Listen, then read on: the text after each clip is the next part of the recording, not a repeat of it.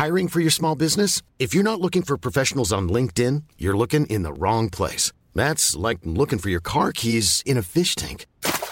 LinkedIn helps you hire professionals you can't find anywhere else, even those who aren't actively searching for a new job but might be open to the perfect role. In a given month, over 70% of LinkedIn users don't even visit other leading job sites. So start looking in the right place. With LinkedIn, you can hire professionals like a professional. Post your free job on linkedin.com slash people today. Hey, it's Paige DeSorbo from Giggly Squad. High quality fashion without the price tag. Say hello to Quince. I'm snagging high-end essentials like cozy cashmere sweaters, sleek leather jackets, fine jewelry, and so much more. With Quince being 50 to 80% less than similar brands.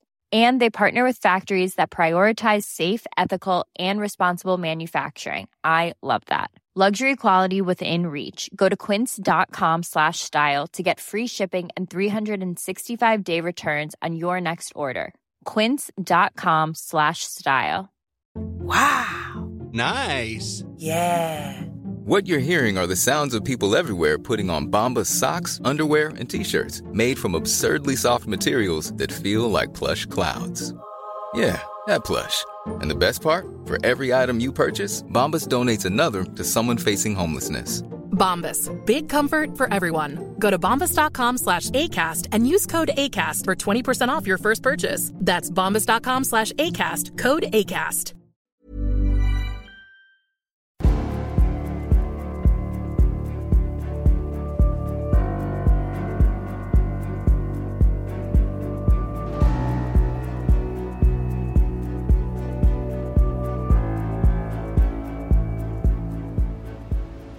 Du lyssnar på podcasten Samtal, en podcast med fokus på fria samtal.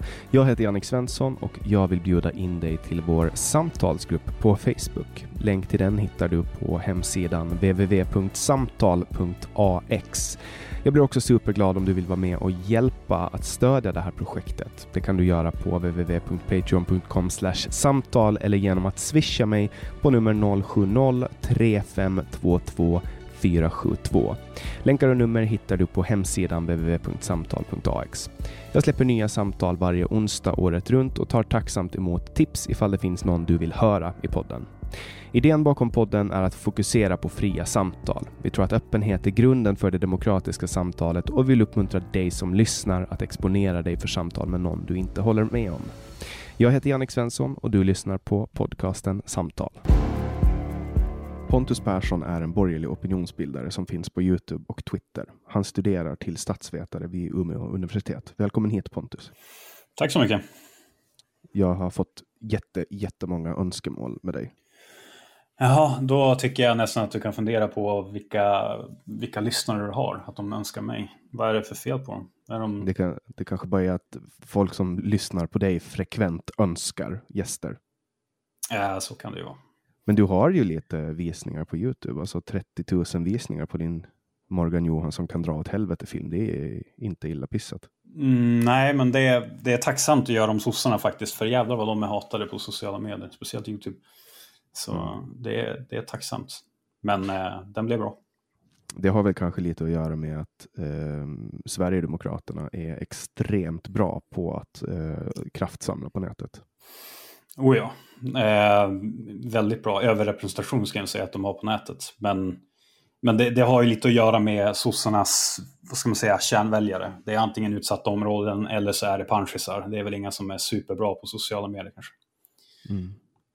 Ja, eh, och eh, nu, nu reducerar jag dig till en borgerlig opinionsbildare i in, inledningen, men eh, du, du hatar på nätet alltså?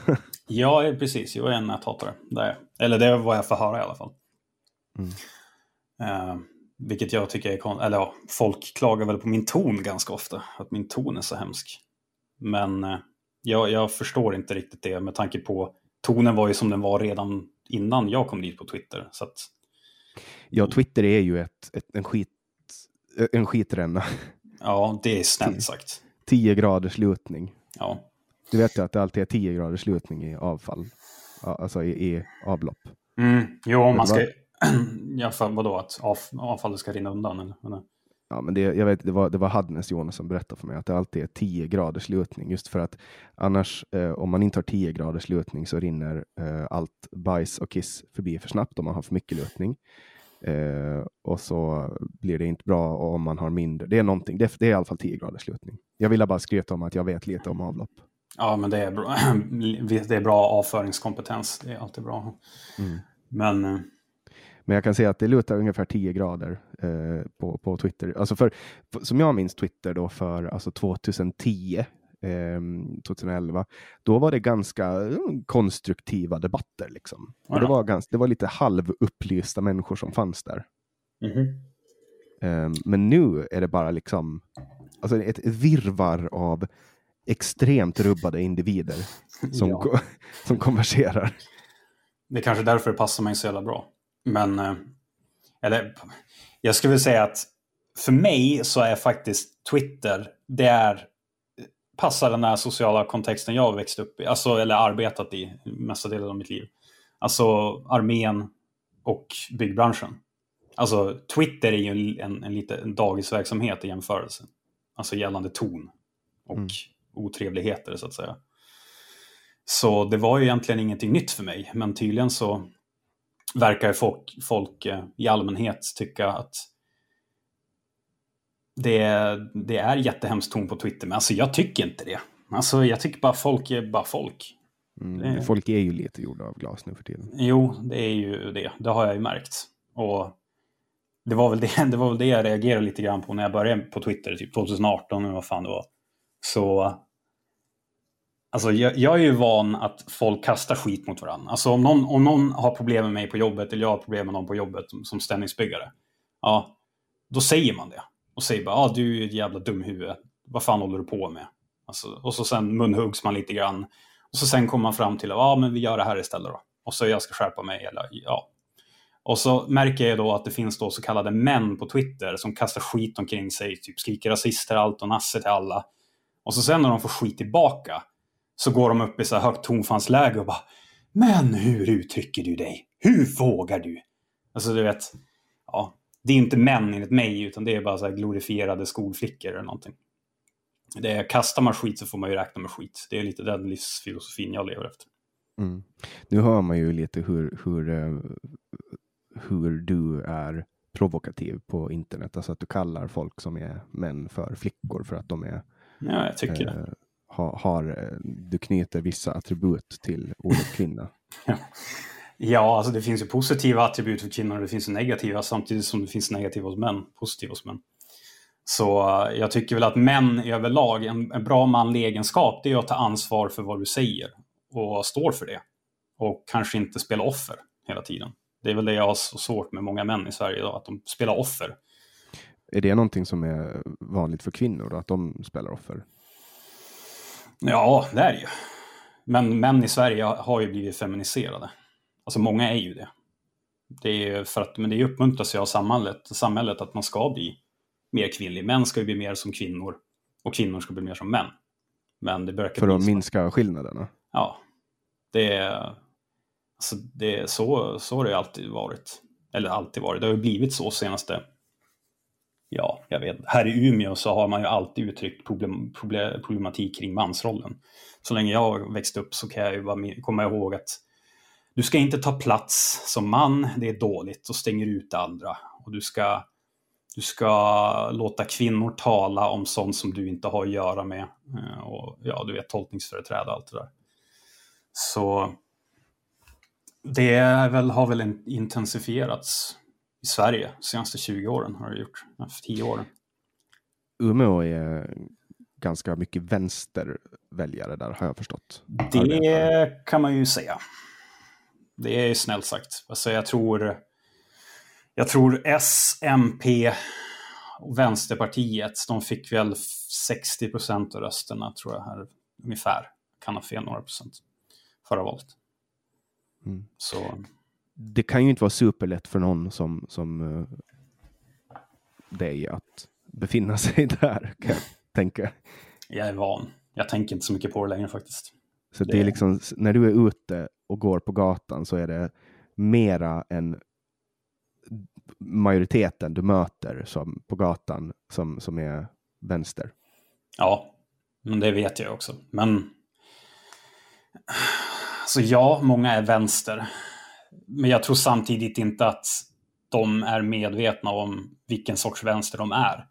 Jag tror, alltså vadå, jag träffar ju så här, företagare här i Umeå ibland som säger att ah, jag röstade på Vänsterpartiet förra valet och så sitter de där, bor vid Umeälven, dyraste området i stan, har en kåk för 12 mille, har fyra bilar. Så bara, men du förstår ju inte att om Vänsterpartiet var i majoritet så skulle du inte få äga det där.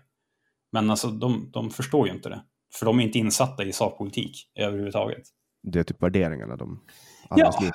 Ja, exakt. Medmänsklighet, ja, sånt där annat. Så. Ja, de, har ju tagit, de har ju tagit patent på det, vänstern. Medmänsklighet. Mm, det är jo. bara de som kan vara snälla och goda. Alltså de har ju patent på det här. De har ju en bra historia, sossarna och vänstern, det där solidaritet. Alltså det, det tilltalar ju väldigt många. Alltså det är ju någonting som många kan koppla till, alltså empati. Känna empati för andra. Eller ja, sympati om du vill säga det. Men alltså solidaritet, till skillnad från högern då, som jag menar, hur, hur många kan relatera till att ett ungdomsförbund går ut och yrar om frihet? Alltså, ja visst, frihet är jättebra, men liksom koppla det till någonting konkret. Det väcker Ja, inte alltså, känslomässigt lika mycket. Frihet är ju någonting som är, är ganska... Eh, man tar det lite för givet. Det är väl först när man blir av med sin frihet som man inser hur, eh, hur skör eh, den egentligen är. Alltså typ som nu när man, har, man inte har fått resa över gränserna. Då blir folk helt upprörda. Eh, och så. Blir det då? Ja, det var folk som kom till Åland eh, som försökte resa in från Sverige som inte fick i somras som blev helt skogstokiga för att de inte fick komma in. Började bråka. och så. Ja, nej, för det är någonting jag upplever hos många borgerliga också, eller högerfolk, att de verkar ju liksom ha... Verkar inte bry, alltså de pratar mycket om frihet, men när det väl kommer till kritan så bryr de sig kanske inte så mycket om, då, då skiljer de sig inte så mycket från sossarna ändå. Nej, men de, alltså det, det är ju också så här, frihet och frihet, det är ju olika saker. Alltså, frågar du eh, Liberalerna idag, vad är frihet för dig? Så då säger ju de så här, ja men frihet är möjligheten att ha möjlighet till att gå i skola och bli välutbildad. Och då in, in, inkluderar den friheten att man ska ta någon annans pengar. Folkpartister pratar de. Ja, Mm. att man ska ta någon annans pengar för att skapa frihet åt en utvald grupp. Det är ju frihet för dem. Men frihet för mig, nu har jag lämnat Liberalerna, frihet för mig det är att ingen människa kan komma och ta mina pengar Mm. utan att jag ger mitt medgivande till det. Mm. Ja, det är väl en rimlig, rimlig ståndpunkt. Jag är, väl, men jag, jag är väl bara emot det här. Det är därför sossarna också vinner det här känslomässiga kriget, om man ska kalla det det, hos allmänheten. För de kan ju snacka om solidaritet. Ja, vi hjälper folk som är mindre bemedlade. Medan högern går och yrar om frihet, frihet, frihet, frihet. Bara, Men gemene svensken bryr sig inte om det konceptet alls. De bryr sig inte om det. Nej, uppenbarligen inte. Nej. Eh, men vad är en idealman för dig då? En idealman? Ja, alltså... Jag tycker väl i allmänhet att man inte ska försöka gå och definiera vad en, alltså, hur en man ska vara. Eh, jag tycker att alla kan väl använda sin manlighet på, eller uttrycka sin manlighet på olika sätt. Men däremot så finns det väl vissa, vissa grundkrav kan jag tycka som en man borde bete sig, eller vissa drag. Och det är väl ja, det här med att ta, stå för vad man säger. Och självförtroende stadig på, stadig på benen, stadig, för att, stå, stadig på jorden, fan man ska uttrycka sig. Eh, det är väl mestadels det. Och sätta gränser. Eh, det också. För det märker man ju i samhället idag, att vi har ju totalt bara gränslös. Vi, har, vi sätter ju inga gränser längre för någonting.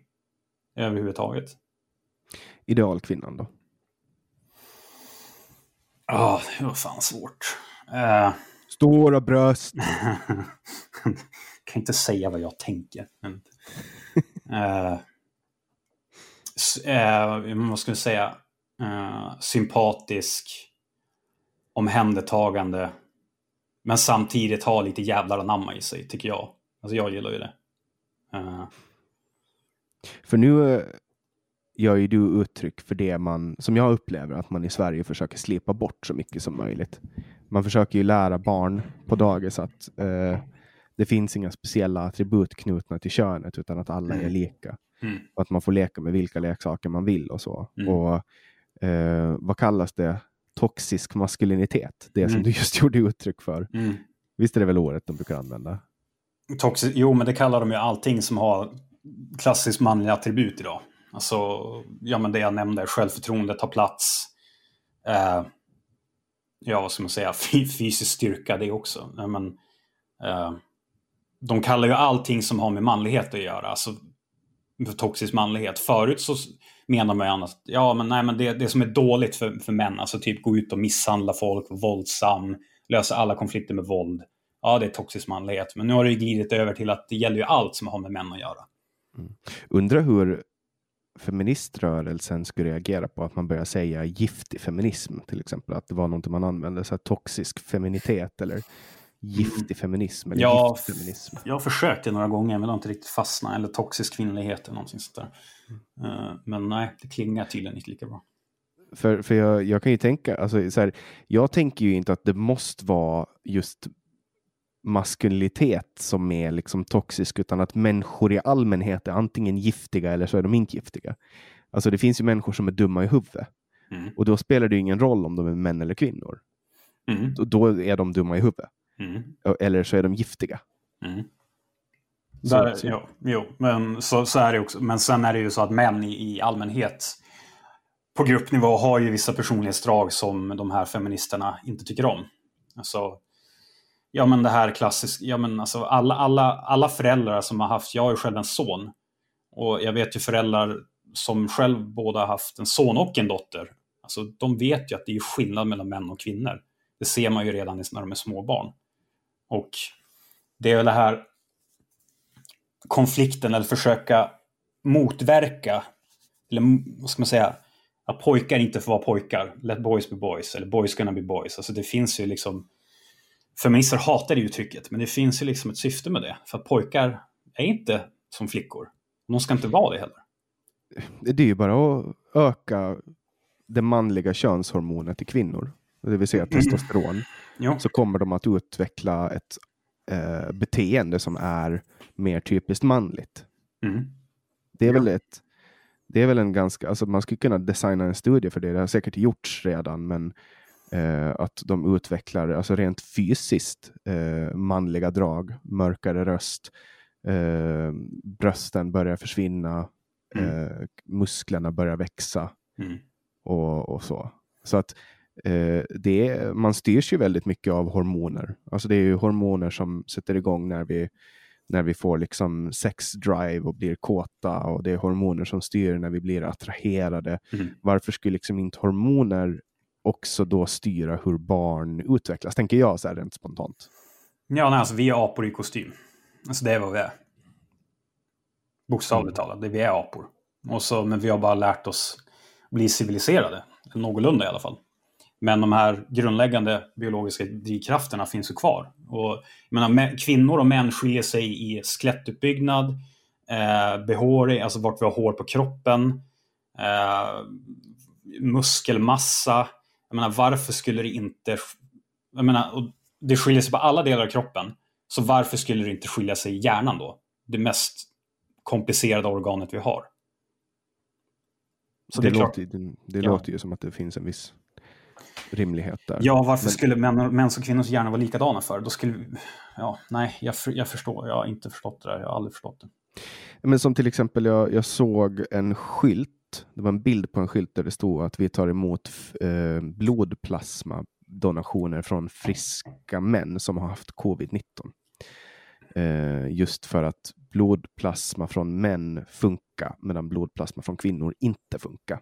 Alltså, För att män drabbades hårdare av covid och därmed utveckla mera vita blodkroppar eller hur det nu var, eh, någon form av immunförsvar.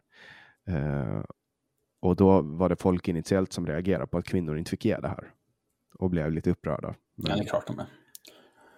Men, men om det inte funkar ja. så funkar det ju inte. Liksom. Nej, och är du säker på din källa också? För jag är för mig att Aftonbladet har ju skrivit någon offerkofta-artikel om att kvinnor drabbas hårdare av covid-19 än vad män gör. Patriarkatet och så vidare. Så eh, jag tror inte Aftonbladet håller med dig. Eh, jag ser här att man har nödgodkänt blodplasma mot covid-19 i USA. Uh, att det finns eh, uh, tidig plasmabehandling gav lindrigare covid-19. Uh, eh, det finns lite, men alltså jag har i alla fall, jag vet, jag vet inte exakt, nu är det ju en live-googling här. Eh, men, men, men, här står det då på finska YLE Eh, coronapatienter i USA kan nu få antikroppar från tillfrisknade. Finländska forskare ska ta reda på om det är en effektiv behandling. Läkemedelsmyndigheten i USA godkände nyligen en behandling där man överför blodplasma från personer som har tillfrisknat från covid-19 till sjuka covid-patienter. Det här verkar ha skett efter politiska påtryckningar från Trump-administrationen som kallade för ett genombrott i behandlingen av covid-19. Eh, så att det finns någon form, men jag har i alla fall sett att man har efterfrågat blodplasma. Eh, och att män kan ge eh, blodplasma som är effektivt. Ja, vem hade kunnat tro att det är skillnad, fysiologiska skillnader mellan män och kvinnor? Jag vet inte. Nej, jag ska... ja, nej, i alla fall. Man har, man har försökt med det här. Nu, nu ska man ju alltid, vad man än hör på internet, inklusive det här, så ska man ju alltid förhålla sig källkritisk, OSV, OSV. Uh, och det ska man ju även göra när man lyssnar på den här podden. Uh, men du har en Youtube-kanal där du pratar mycket om invandring. Du pratar om rasism. Du pratar om Socialdemokraterna mm. och sådana saker. Vad, hur länge har du haft en, en uh, Youtube-kanal? Så jag började väl för typ ett år sedan ungefär. Var, eh, så var jag lite aktiv under våren. Sen var jag inte jätteaktiv under sommaren och hösten, men nu börjar jag igen under vintern. För det är folk som, jag vet inte, ganska många smarta personer som har sagt att jag eh, tydligen fungerar bra på rörlig bild. Så då har jag väl tänkt att okej, okay, men om någon, de här smarta människorna säger det så då eh, börjar jag intensifiera det då och vara mer aktiv där. Så jag försöker, men det tar ju... Alltså det tar, folk förstår inte det, men det tar så jävla tid att bara göra en video på typ 15 minuter, 20. Mm. Alltså spela in går ju hyfsat fort, men du ska sitta och redigera skiten också. Ja, jag, jag tycker ju bara att podd räcker liksom i belastning, arbetsbelastning. Men det, det jag har märkt, jag är inne på eh, andra året nu som jag gör podd, att man blir snabbare och snabbare på att mm. klippa mm. hela tiden. Så att det där blir, det är också, ja, och speciellt om man gör eh, varje, varje vecka liksom, utan eh, avbrott. Ja. Så det, det är sånt som kommer. Men, men du pratar väldigt mycket om, om rasism och, och sådana saker. Eh, vad, vad är liksom, är det, är det din eh, nisch? Mm. Jag brukar väl förhålla mig till frågor som rör kultur oftast. Och då brukar väl rasism gå in i det. Men eh, jag pratar väl det är väl inte att jag medvetet pratar om rasism, utan det blir väl att jag gör det för att mina meningsmotståndare jämt vill kalla allting rasism hela tiden. Och eh, det är väl den här idén om att, ja, den här klassiska som jag har gått emot några gånger också, att rasism mot vita eh, finns inte. Det finns inte omvänd rasism. Liksom, att eh, intersektionalitetshysterin där. Att vita män kan inte bli drabbade för strukturell diskriminering, utan det är bara diskriminering. Mm. Det är väl det jag går emot. Ja, jag tänker att um, många av de här ämnena du pratar om, det på, påminner mycket om uh, arga blatten och, mm. och liknande. Typ Loai Ahmad gör ju också mm. uh, sådana här grejer. Att det känns ju som att det är ganska mättat hela den här grejen. Ja, det trodde jag också först, men eh, tydligen inte. Eh, och det, det jag har märkt, eller fått reaktioner på, det är att så många säger eh, att, men att jag är svensk och gör det här. Eh, för det är väldigt många som undrar hur, varför, alltså, hur jag vågar. Alltså, jag är inte rädd att förlora jobbet, jag är inte rädd att extremvänstern ska hälsa på mig eller så folk följer mig konstigt nog också bara för kanske att jag är svensk också.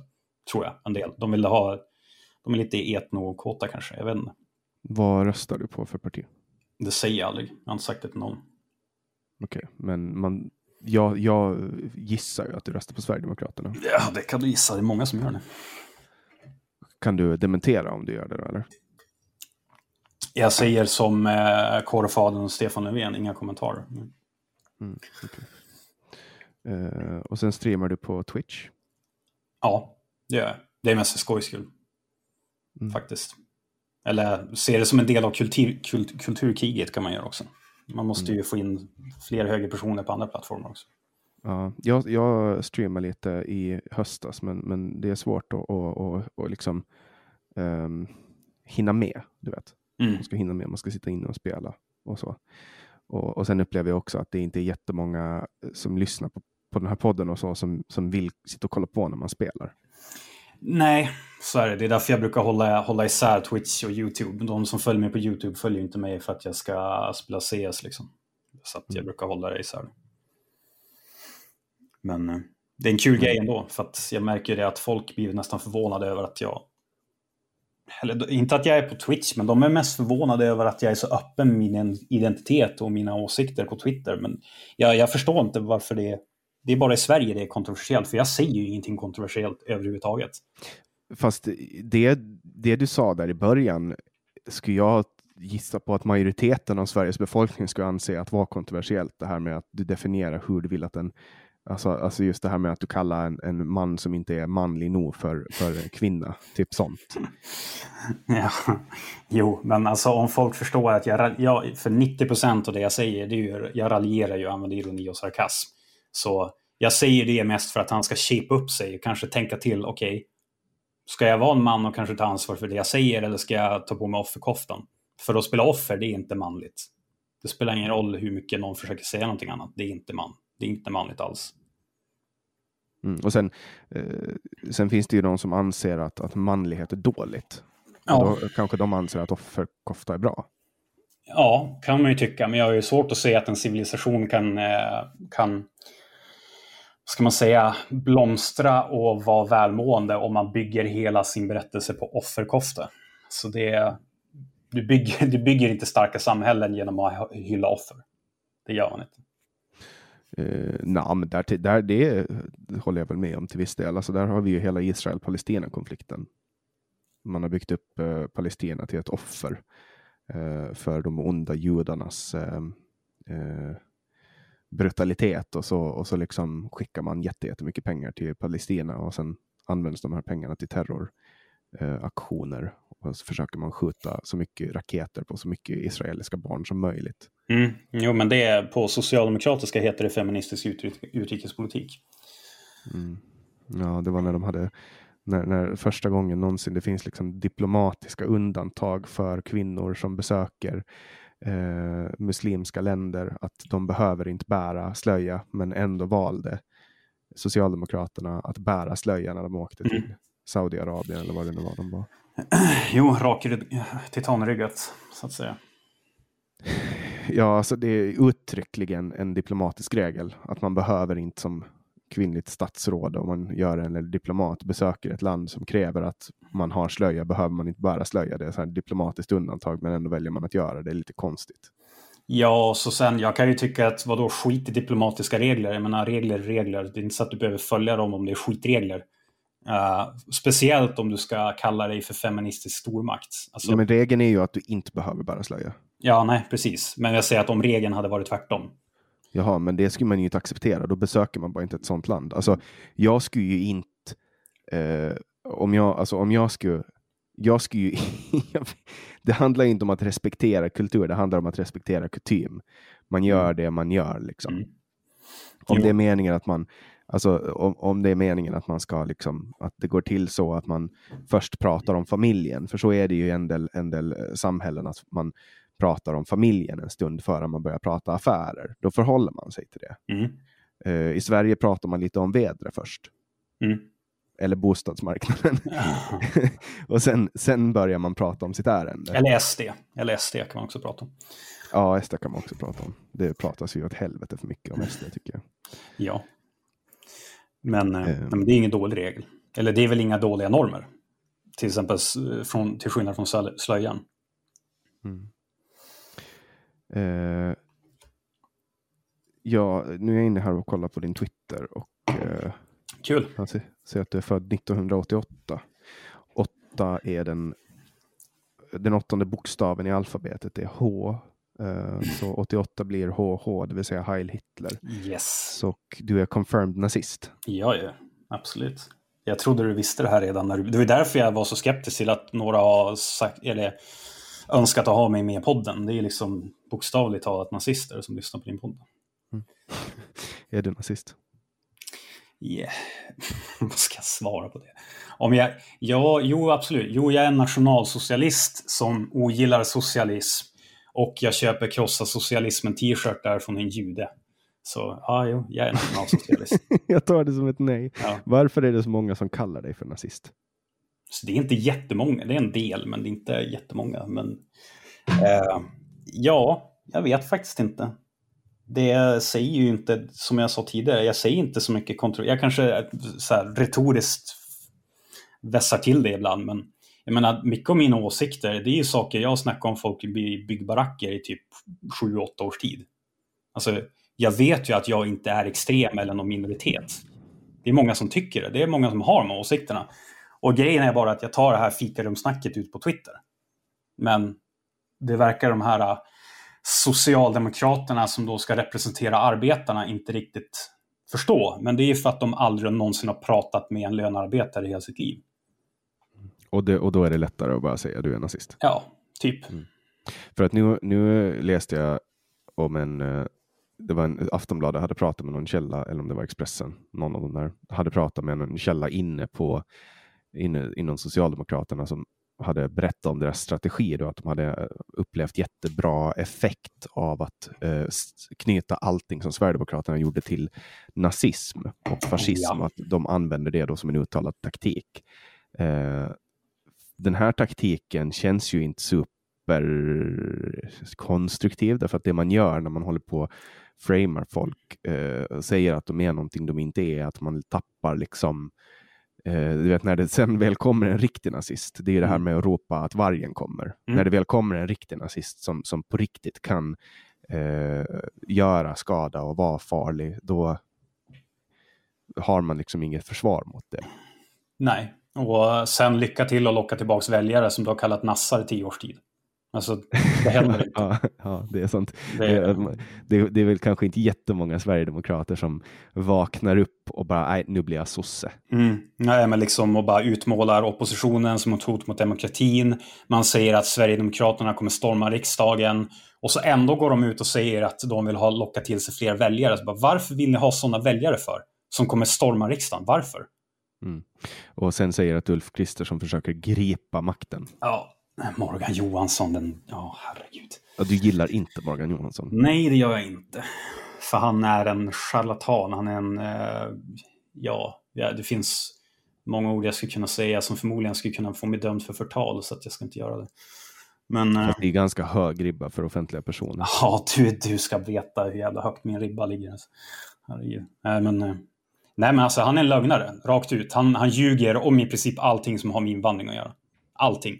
Han ljuger hela tiden. Vad ljuger han? Han ljuger om att eh, vi till exempel har en, just nu att vi har en historiskt låg invandring.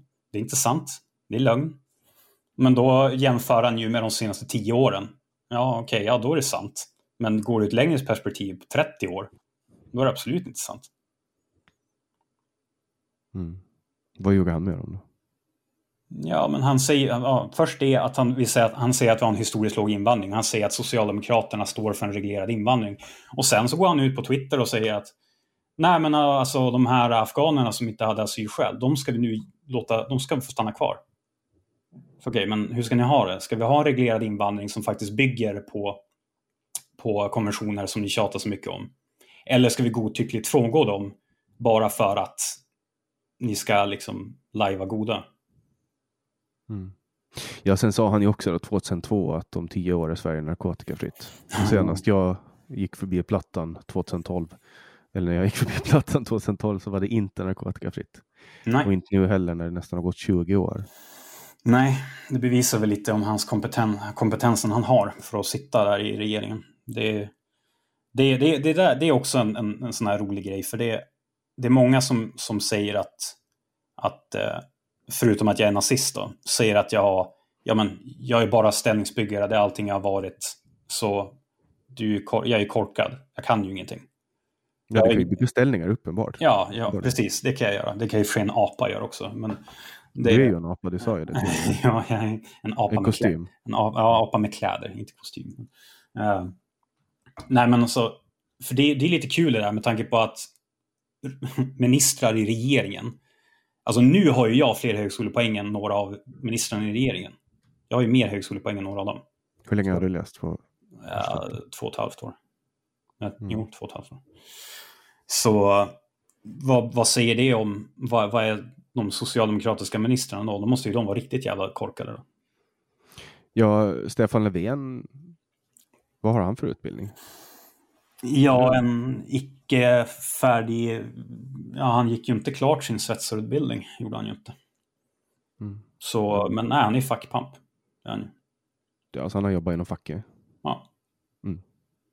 Ja, eh, men, men sen ska ju också, eh, för att ta dem i försvar, så ska ju också eh, riksdag och regering återspegla samhället. Och ja, alltså, ja, jag, jag håller med. Alltså, jag tycker inte utbildningen ska vara en, en enda faktorn för att du ska sitta i regering. Visst, du kan ha hur många hö högskolepoäng som helst, men det betyder du kan ju fortfarande vara dum i huvudet.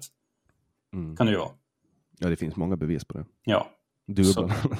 Exakt. touché, touché. Ja, nej, men eh, så nej, jag tycker att det är helheten som ska räknas in, inte bara högskolepoäng såklart. Sorry. Men du har jobbat som yrkesmilitär också? Ja. Vad för slags? Eh, jag var spaningssoldat på I-19 i Boden. Hur, hur länge var du inom armén? Jag gjorde värnplikten ett år, 2008. Och sen lovade jag mig själv att jag aldrig mer skulle sätta min fot där, för jag var så jävla less spyless efter det året. Och sen gick det bara ett år, sen ringde min före detta plutonchef upp mig och frågade om jag ville gå med i Nordic Battle Group, eh, EUs beredskapsstyrka. Och jag tackade ja direkt. Sen var jag med där ett år, lite mer. Eh, och sen var jag ett halvår här i Umeå också faktiskt, på skyddscentrum innan jag slutade. Jag hade tänkt att jobba kvar här inom armén ett bra tag, men lönen är ju som den är inom försvaret. Och jag kände att jag vill inte leva på typ minimilön. Så därför slutade jag. Så vad, vad gjorde ni? Ni sköt på saker och sprang i skogen? Ja, du, alltså det är världens bästa jobb. Tyvärr med världens sämsta arbetsgivare. Uh, jag har aldrig haft ett sånt bra jobb någonsin i hela mitt liv. Mm. Så ja, skjuta, träna på arbetstid, uh, bra kollegor, bra chefer oftast. Så ja, det var det man gjorde. Mycket övning.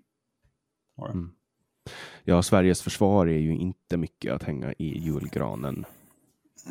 Om du tittar på antal eller kvantitet, nej, det är inte. Men vi har ju däremot väldigt bra soldater. Det ska man mm. fan ge oss. Men det är inte mycket, inte mycket erfarenhet av strid. Och inte mycket färskt minne heller från strid. Om man jämför med till exempel Finland. Vi har ju många krigsveteraner kvar fortfarande. Mm. Ja, nej. Liksom, som har tränat de soldaterna som är aktiva nu. Så att mm. Sverige har inte varit i krig sedan Gustav den fjärde Adolfs tid. Mm. Ja, nej, det är väl sant. Vi har väl erfarenhet från missioner. Det är väl det, är väl det vi har. Och det mm. finns ju, det är mycket kompetens man får därifrån. Men det är ju en viss skillnad att ha erfarenhet från att strida mot, eh, ja. Alltså skjuta talibaner i öknen. Ja. Mm, och... det, är typ det, det är ju det Sverige, svenska soldater har gjort va? Ja, mer eller mindre. Alltså, man ska inte snacka skit om talibanerna i onödan. De är fan, de må bara ha AK47 och leva i grottor, men de kan ju fan, de är envisa jävlar. Ja, visst är de det. De, har väl hållit, de höll väl Afghanistan väldigt, väldigt länge. Ja, alltså de har ju typ spöat skiten i USA egentligen. Så att, eller hållit ut, hållit ut mot dem. Så att, mm. jag, jag, skrev en tweet om det här om veckan. Jag sa, är det bara jag som känner mig som en taliban när jag åker bak på ett pickesflak? Jag, satt, jag satt, Hadnes Jonas körde mig på, på eh, pickisflaket och på, på, på, sin gård. Och då kände jag mig som en taliban. Hade du skägget också? Nej. Nej, jag har ingen skägg. Jag kan inte ens odla skägg om jag skulle vilja. Ja, nej, nej skägg det, det kan, jag ska inte säga. Jag kan inte heller. Jag kan, men det ser ut som skit. Så jag gör inte det. Men på tal om, eh, eh, på tal om, om, om, vad ska man säga, eh, amerikansk politik. Nu har ju USA börjat släppa bomber igen i Mellanöstern. Ja, men nu är det ju okej, för nu är det en svart kvinna vicepresident. Så. Det, är... ja, det tog ju inte superlänge förrän, eh, förrän Biden började bomba USA. Nej, det gick ganska fort. Mm. I östra, Vilket... I östra Syrien börjar man släppa bomber. Ja, eh, det är ganska, jag, jag, skrev om det också, att det är lite, det är lite ironiskt att, att USA vill bekämpa den strukturella rasismen mot eh, icke-vita USA samtidigt som man bombar skiten ur icke-vita i Mellanöstern.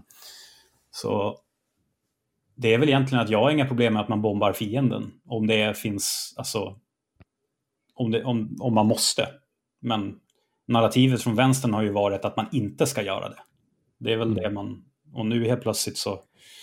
Och nu är det okej, okay. men det är väl för att alltså, folk, är, folk var ju, de ville bli av med Trump och nu blev de av med Trump, men då helt plötsligt är det okej okay att allting som, som Biden gör verkar vara okej. Okay. Alltså, jag tänker att, att om, om Trump skulle attackera, han gjorde ju inte, han, han attackerar ju inte eh, folk med bomber och så, men om han skulle ha gjort det, då skulle det bli ett jävla liv. Att det är lite skillnad på folk och folk.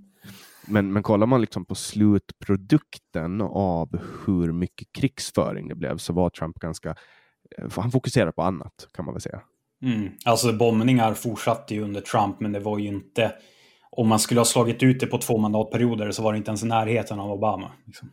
Att... Eh, och speciellt inte eh, Obamas företrädare, Bush, den andra. Nej, han gillade bombningar. Bomba. Satan, det var det enda man, alltså det var enda jag läste i tidningen när jag växte upp. Mm. Det var så här, ny bomb eh, i Irak, ny bomb i Iran, mm. hit och dit. Afghanistan. Det var liksom bara krig, krig, krig, krig, krig hela tiden. Ja. Uh, och det känns ju inte som att det händer så jättemycket där i Mellanöstern. Alltså att, de, att det lugnar sig. Det var ju arabiska våren där 2010. Då såg man ju lite hopp. Men, uh... Alltså jag kan väl, jag är inte så superexpert på Mellanöstern, men om eh, typ 30 år av konstanta strider i Mellanöstern har resulterat i jack shit, utan endast har dödat massa NATO-soldater som har liksom kämpat för en god sak, eh, då kanske jag tycker det är ganska tydligt att ren, rent vapenvåld kommer inte få eh, länder i Mellanöstern att bli demokratier. De vill ju inte, många vill ju inte ha demokrati. Nej. Så... Och de klarar ju inte heller, uppenbarligen så, så blev det lite svårt, alltså därefter arabiska våren. Det roliga var att jag var i Egypten när den inleddes. Uh, så att jag har på något sätt, uh, jag kommer ihåg väldigt mycket av hur, hur det blev uh, jättespänt stämning och jag började läsa liksom i tidningarna att det höll på att stissa upp den här stämningen och allting. Och då trodde man ju på riktigt att nu kommer, nu kommer det att bli demokrati, nu liksom ställer mm. sig folk upp att, att det här kan bli riktigt bra. Men sen så slår man bara tillbaks väldigt, väldigt hårt. Ja, alltså det finns det ju, bara för statsvetenskap eh, splina så finns det ju liksom hur många, eller väldigt mycket forskning om när det är som mest farliga situationer för ett land. Och det är ju när man går från semi-auktoritära semi till semidemokratier. Det är oftast då våld utbryter. Och har du liksom inte, det är inte så att länderna i Mellanöstern har stabila institu demokratiska institutioner eh, eller ha, har haft det särskilt länge. Och när man väl försöker bygga det så bygger man det uppifrån staten. Men om man är höger som jag är så förstår man att politiken är nedströmskultur. Och ska du bygga upp demokratiska institutioner så måste du ha kulturen för det. Mm. Och eh, det verkar man ju uppenbarligen inte ha. Jag menar, här i Sverige så har vi bokstavligt talat haft myndigheter som är äldre än länder. Mm. Ja, och det, det, är ingenting som bara växer fram i tomma intet, utan det kommer ju organiskt fram under flera århundraden. Mm. Ja, att man, att man också behöver ju ha en viss alltså ett visst tänk för att klara av att röra sig i ett demokratiskt samhällssystem. Att du kommer från ett ett land där du inte får uttrycka dig på ett visst sätt och där man gör på ett visst sätt bara för att man gör det, då kommer man att kanske känna sig lite vilsen. Eh, om, alltså tänk till exempel om, om, om Kina nu på, över en natt skulle falla och, och så skulle man införa demokrati eh, och så skulle det bli ett val. Alltså hur ska man, hur ska man skola en hel befolkning mm. eh, på hundratusentals miljoner människor som liksom från, från att ha levt hela sitt liv i ett skyddat samhälle eh, helt plötsligt ska börja läsa på om begrepp som de inte kan, alltså som de inte har blivit skolade att förstå. Det kommer inte att gå på en natt. Det är helt omöjligt. Nej, och Kina har ju ännu mer med his historiska kontexten att där är man ju, alltså där har det ju varit liksom extremt kollektivistiska i liksom tusen år. mer än Sverige liksom. Så att, eh, nej. Ja, de har ju alltid haft kejsare som har sagt åt dem vad de ska göra. Ja. Så Mm. nej, demokrati växer inte fram bara för att staten säger det, utan det måste komma underifrån. Så är det Mm. Men demokrati är, ju ett riktigt, riktigt dåligt system. Ja, men vad är det man säger? Det är klyschan, det är det bästa av det, av det vi har. Bästa av det sämsta. Alla de klyschorna tillskrivs ju alltid Winston Churchill. Gör det det? Jag har faktiskt Ja. inte ens koll på det. Men han var en riktig jävla citatmaskin alltså. Ja, ja. Men, men, fast han var ju rasist nu. Var det väl? Då ska vi riva någon staty på honom, var det inte det? Eh, jo, men det var han. Han, eh, han ville ju att, han motsatte sig hårt att man, att man ville frigöra Indien. Eh, Jo, alltså han var säkert rasist. Men det, det fråntar ju inte liksom att han var den enda som, i Europa som stod emot mot Hitler. Mm. Ja, igen, men alltså, sen måste man ju kolla på historisk kontext. Han Ja. växte upp i en adelsfamilj på 1800-talet. Ja. Man var rasist då. alltså det är bara så enkelt det är. Alltså, svarta människor var tjänstefolk eh, och så var det. Ja. Man, man, man kan liksom inte, man, man måste sätta saker i en historisk kontext. Det, det var inte rätt eh, och det var primitivt. Men man var ganska primitiv på den tiden. Ja. Och, och ska man mäta en människa eh, enligt dagens premisser på vad är godhet, då kommer vi, kommer vi inte att hitta en enda god människa i jorden, då, förutom möjligtvis Jesus. Han låg ju till bords med prostituerade liksom, Mm. och tullare. Mm. Mm. Fin kille. Så att, men, men Winston Churchill var intressant på många sätt. Jag hade läst eh, Bengt Liljegrens böcker om honom. Nej. Väldigt, väldigt bra. Han är ju typ för övrigt, han är nog min favoritförfattare. Alltså han, han är så jävla bra på, på att skriva biografier över folk.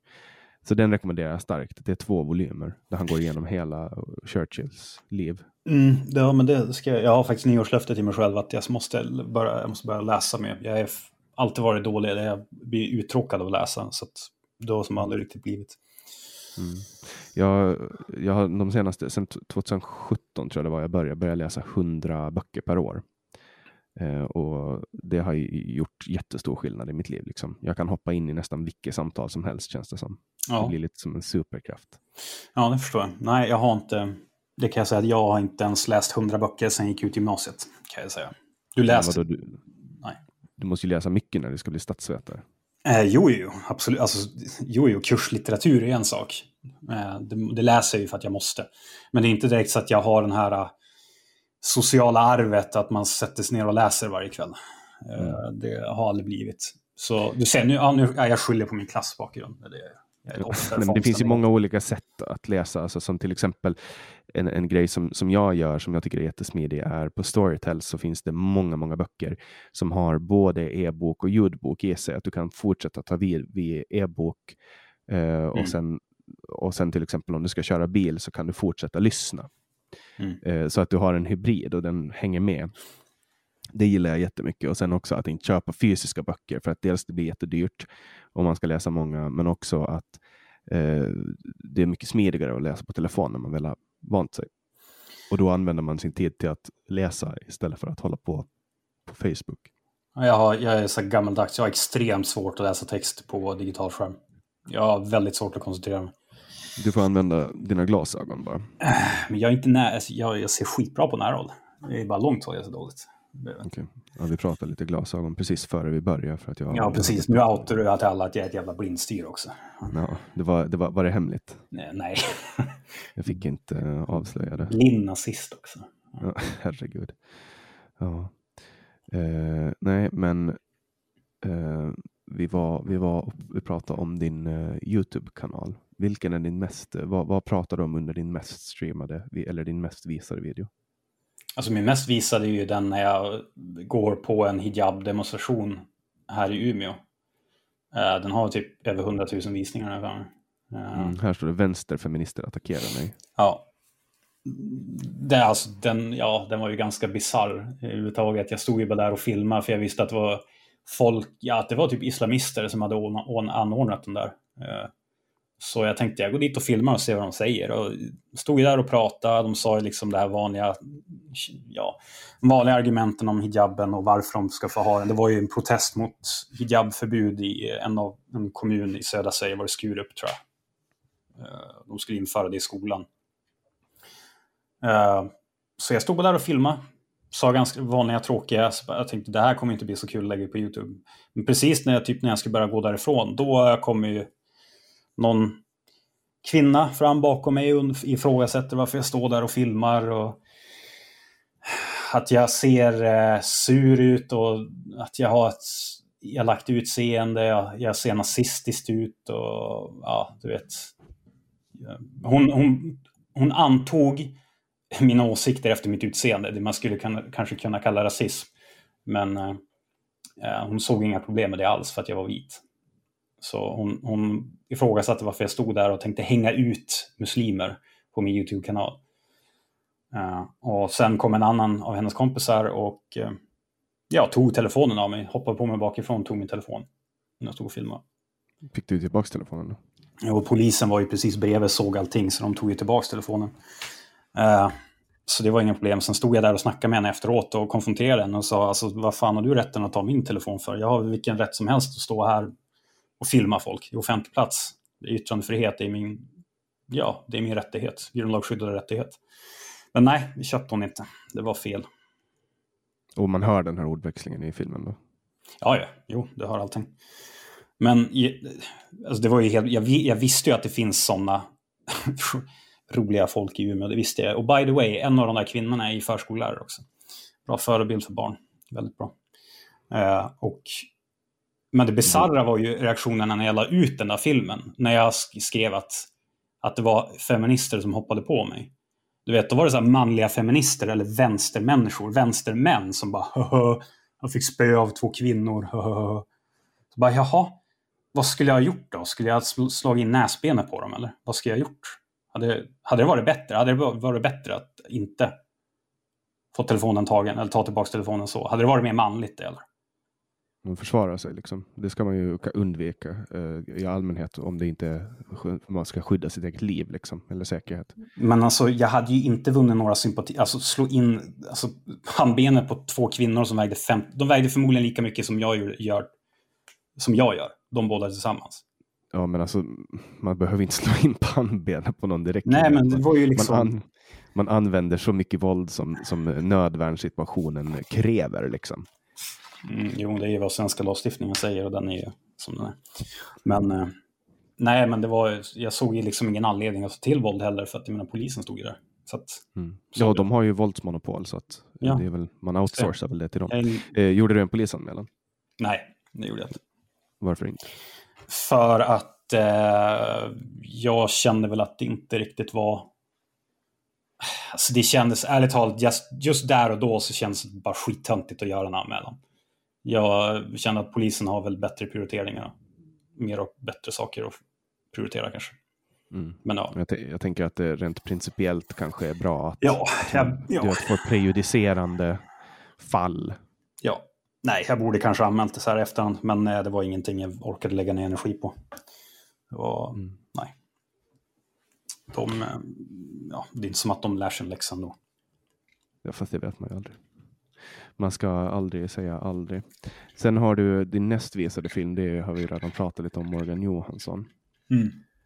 Eh, sen har du arg norrlänning reagerar på barnslöja. Mm. Du har en reaction movie. Det är lite så här YouTube-kultur över hela dig. Ja, folk gillar sånt. Eh, det är ganska roligt att göra också, för det finns väldigt, väldigt sjuka videos där ute att reagera på. Eh, så, men folk gillar sånt. Jag hade inte tänkt att göra några sådana först, men folk efterfrågade väldigt mycket. Så tänkte jag, ja, ja, jag lider marknaden helt enkelt. Så gör jag det. Mm. Och sen har du haft med uh, Arja Blatten och Angry Foreigner. Ja, vi kom i takt lite grann med varandra. Uh, han hade med sig i sin kanal tidigare när han intervjuade mig om de här K3-jägarna som ja, blev jätteupprörda över att de blev att officerarna skrek könsord till dem, bland annat. Mm, de där, där de sa att de var miss, blev psykiskt misshandlade. Typ. Ja, precis. Att de blev kallade typ, jag vet inte vad, vad, vad det var för ord, men ja. Kär, kärringar? Ja, men något sånt, fast lite värre kanske. Men, och så fick de ju slag när de skulle öva på att eh, låga ställningar för att krypa, alltså ta skydd från eh, eld.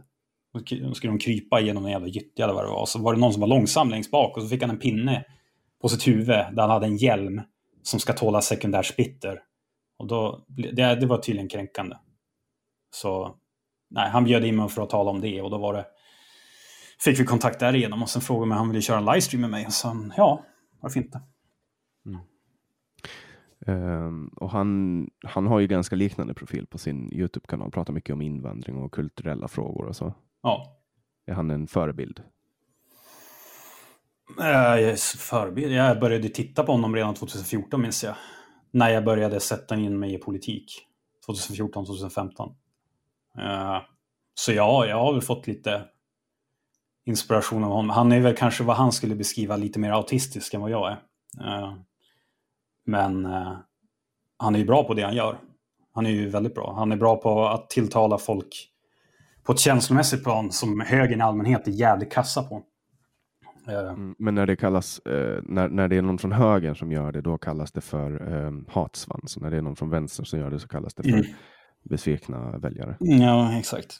Nej, men för det, alltså det är väl det jag har, stör mig på nästan dagligen med den här högern, etablerade högern i Sverige. Att, alltså, okay, först att man fokuserar för mycket på textform. Okej, okay, visst text är jättebra. Folk gillar att läsa, men många gillar rörligt format, video. Och kunna tilltala folk känslomässigt, dessutom i rörlig video. Det drar ännu mer folk än vad en text någonsin kan göra. Och, men det är många delar av högen som inte förstår det här. Utan de sätter någon kostymnisse och skriver en jättefin text eh, som är full med korrekt statistik och fakta, och, men den kopplar inte an på känslomässig plan, alltså patos. Mm. Ingenting. Tino Sanandaji är väldigt bra på att skriva sådana texter um, med mycket statistik och fakta. Ja. ja, men det är jättebra. Man ska ju ha sån också.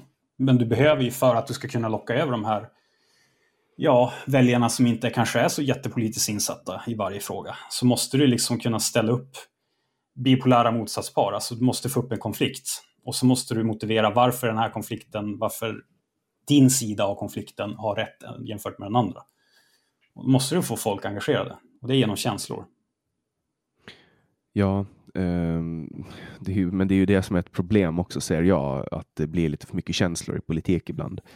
Eh, man fattar jättedumma beslut baserat på att man har någon känsla om vad som är bäst och vad som inte.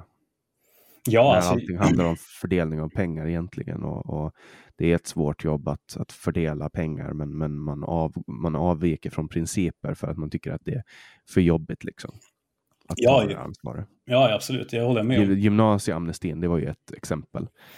Jo, men, jo, precis. Men det är ett beslut som bara bygger på känslor. Alltså, jag, jag säger inte att du ska frångå eh, logos eh, överhuvudtaget. Alltså, du, du måste ju ha fakta och logik bakom din, din argumentation. Men grejen är att högern fokuserar ju oftast bara på logiken och fakta. Mm. Du måste ha med det känslomässiga också. Vänstern fokuserar oftast mer på det här känslomässiga. Eh, och tar beslut, skiter i faktan. Men det är bara att ta kärnkraftsfrågan. Det är, kärnkraft känns farligt, därför är det farligt och därför ska vi inte ha kärnkraft. Mm. Ja, det är fler människor som dör av vindkraft eller har dött av vindkraft än folk som har dött av kärnkraft. Ja, exakt. Och, och ställer du det i förhållande till producerad megawattimme så är det ganska många som dör av vindkraft. Ja. Så nej, men det, det var, Men vänster, vänstern ogillar ju kärnkraft på ren princip. Det har jag märkt nu när vi har haft elbrist. Vad tänk, vad, vadå, du, du, de, de sitter hellre i ett mörker än att ha kärnkraft? Eller? Nej, men de hatar det på princip. De har blivit lärda att det är dåligt. Man kommer in kanske i SSU och så får man lära sig att du vet, den här grund eh, SSU uh, ABC, SSUs ABC så här. Kärnkraft är dåligt, Israel är ondska, uh, kapitalism är ondska. Mm. Ja, ja, det är Sossarna är inte vad de brukade vara. Så att, för jag menar, gam... ja, SD är ju nu som sossarna var förut. Mm. Jo. In, invandringsfientliga. Exakt, hatar invandrare.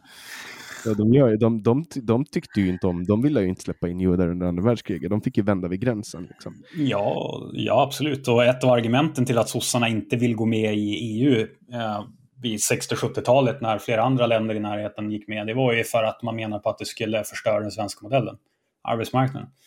Och man vill inte ha in invandrad arbetskraft. Det var ju liksom grundargumentet för att inte gå med i EU. Ja, och man är ju, man är ju också fientlig mot utländsk arbetskraft i Sverige, men inte mot asylimmigration. Det är också lite konstigt att man, de, man säger så här, men de kommer att ta våra jobb. Polackerna kommer att jobba billigt inom jordbruket så att vi får, uh, vi får liksom en arbetslös inom, arbetslöshet inom befolkningen. Mm. Och man gör det jättesvårt för utlänningar att komma in i byggbranschen fast det finns folk som är jätteduktiga uh, takläggare eller uh, vad som helst liksom inom byggbranschen. Så och det råder brist på svenska marknaden så, får, så blir, gör man det så krångligt att få hit utländsk arbetskraft. Mm. Att det inte lönar sig. Så istället står de och liksom kämpar med, med så här folk från eh, Arbetsförmedlingen som ska lära sig eh, jobba inom byggbranschen som liksom kommer från ställen där man inte ens använder eh, samma betong eller bygger i samma eh, klimat. Alltså där det är helt annorlunda säkerhetstänk och så. Och nu pratar jag från erfarenhet för att jag jobbar inom ett, ett byggföretag, då, bemanningsföretag inom byggbranschen. Och vi hade ganska många då med, med bakgrund från Mellanöstern mm. eh, som, som, som kom in och det var ett ganska återkommande problem. Liksom att man använde, det, var, man, det var väldigt an, att vara snickare i Syrien och att vara snickare här. Det skiljer sig jättemycket. Ja, det är klart det gör. Herregud. Men det är väl men inte att vara snickare i Polen och att vara snickare i Sverige. Och du vet ju hur jävla mycket man byggde runt 2017, 2018. Mm. Ja, men alltså jag, alltså jag är lite kluven, alltså för att en, en, jag är ju inte, för, jag är inte emot arbetskraftsinvandring. Det jag däremot i det här läget är emot, det är ju den enorma införseln av lågkvalificerad arbetskraft. När vi redan har tiotusentals människor som lever på bidrag i det här landet som inte ska leva på bidrag. Eh, och sam men samtidigt så tycker jag att om, om det är, då är, för då är det ju någonting fel på den inre marknaden. Alltså då är det ju någonting fel med svensk arbetsmarknad. Och då måste du ju på något sätt få dem i arbete. Men alltså lösningen är inte att ta hit tiotals tusen människor till. När vi redan har arbetskraft här. Och, jag tycker inte att det är något konstigt att man tar in eh, flyktinginvandring.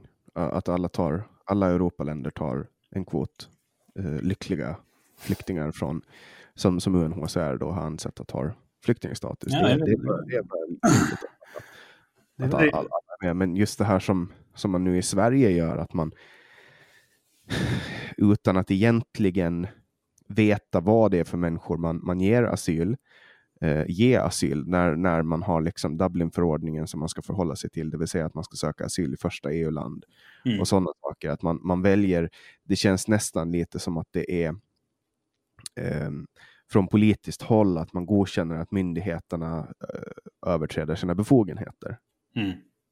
För att det, man sätter ju liksom inget stopp på hur många eh, asylansökningar man, man hanterar. Man, utan det, man hanterar så många som man får in och, och, har tid att göra.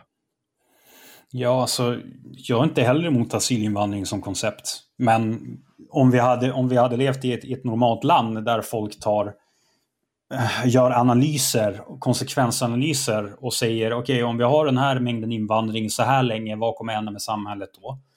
Men det har man inte gjort, utan nu har man fört en invandringspolitik i 30 år som har gjort att vi har gått från två utanförskapsområden på 90-talet till över 200 idag. Och då kan man ju tänka sig hur det kommer fortsätta om vi fortsätter i 30 år till. Hur kommer det komma vara 400 utanförskapsområden, 600, 800?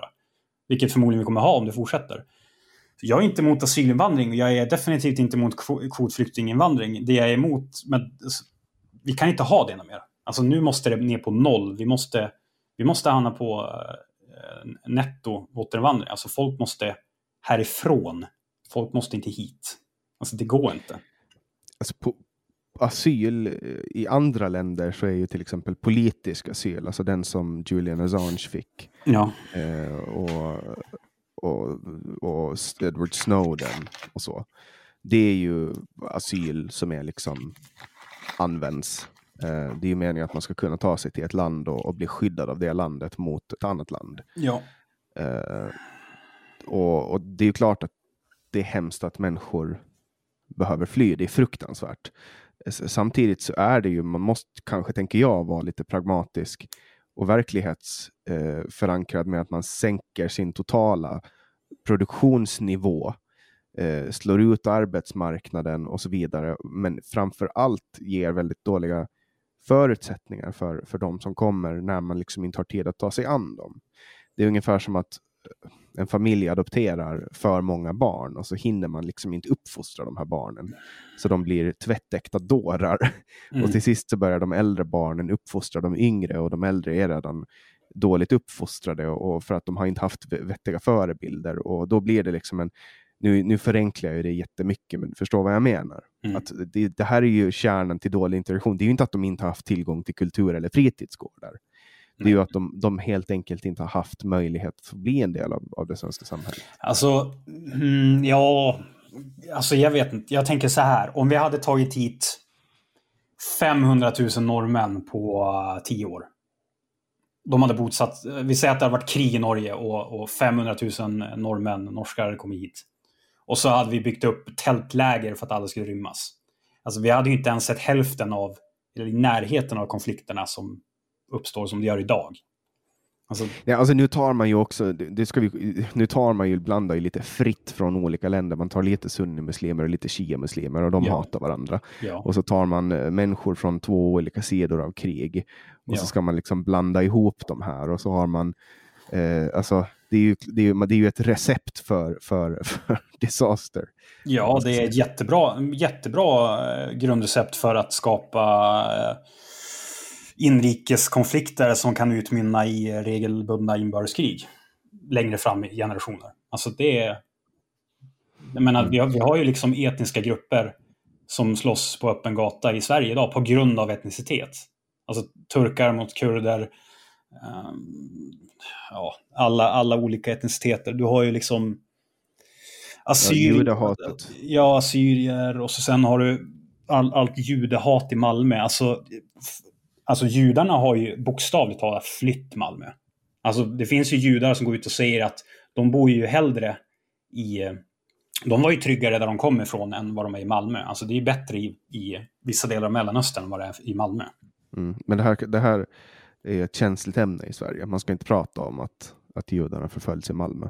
Ja, nej, men istället, det... vill man, istället vill man bygga något museum för förintelsen för att liksom släta ja, alltså, Hur jäkla korkat är inte det där? Alltså, Nej, men vi löser problemet med judehatet genom att utbilda folk mer i förintelsen. Men tror ni på riktigt att det är det det handlar om? Nej. Det, det, där har, det där har ju ingenting med förintelsen att göra heller. Det där har ju att göra med att i Mellanöstern så är det väldigt vanligt att man hatar judar. Ja, men alltså Hitlers närmaste allierade var ju för fan araber. Ja, alltså, de hade ju en gemensam fiende och det var ju ja. judarna. Alltså, alltså, nej, det, det, är så, det är så... Och det, jag, vet, jag kan tycka att det nästan är på gränsen till provocerande att säga Ja, men om judarna säger, om judar säger att ja, nej, men vi kan inte bo kvar i Malmö för det är så otryggt. Ja, nej, men jag vet, vi bygger, vi bygger ett museum. Så bara, men nej. Kanske liksom öka polisnärvaro, öka säkerheten. Sluta ta in folk som hatar judar, kanske. Bra början. Ja, det känns ju som en, en ganska rimlig startpunkt. Um, men men det, där är, det, där, det där ska man ju helst inte prata om. Nej, Malmö, det... nej precis. För, där, alltså, för det är ganska enkelt. Alltså, det är väldigt enkelt. Tar du hit Mellanöstern så får du Mellanöstern.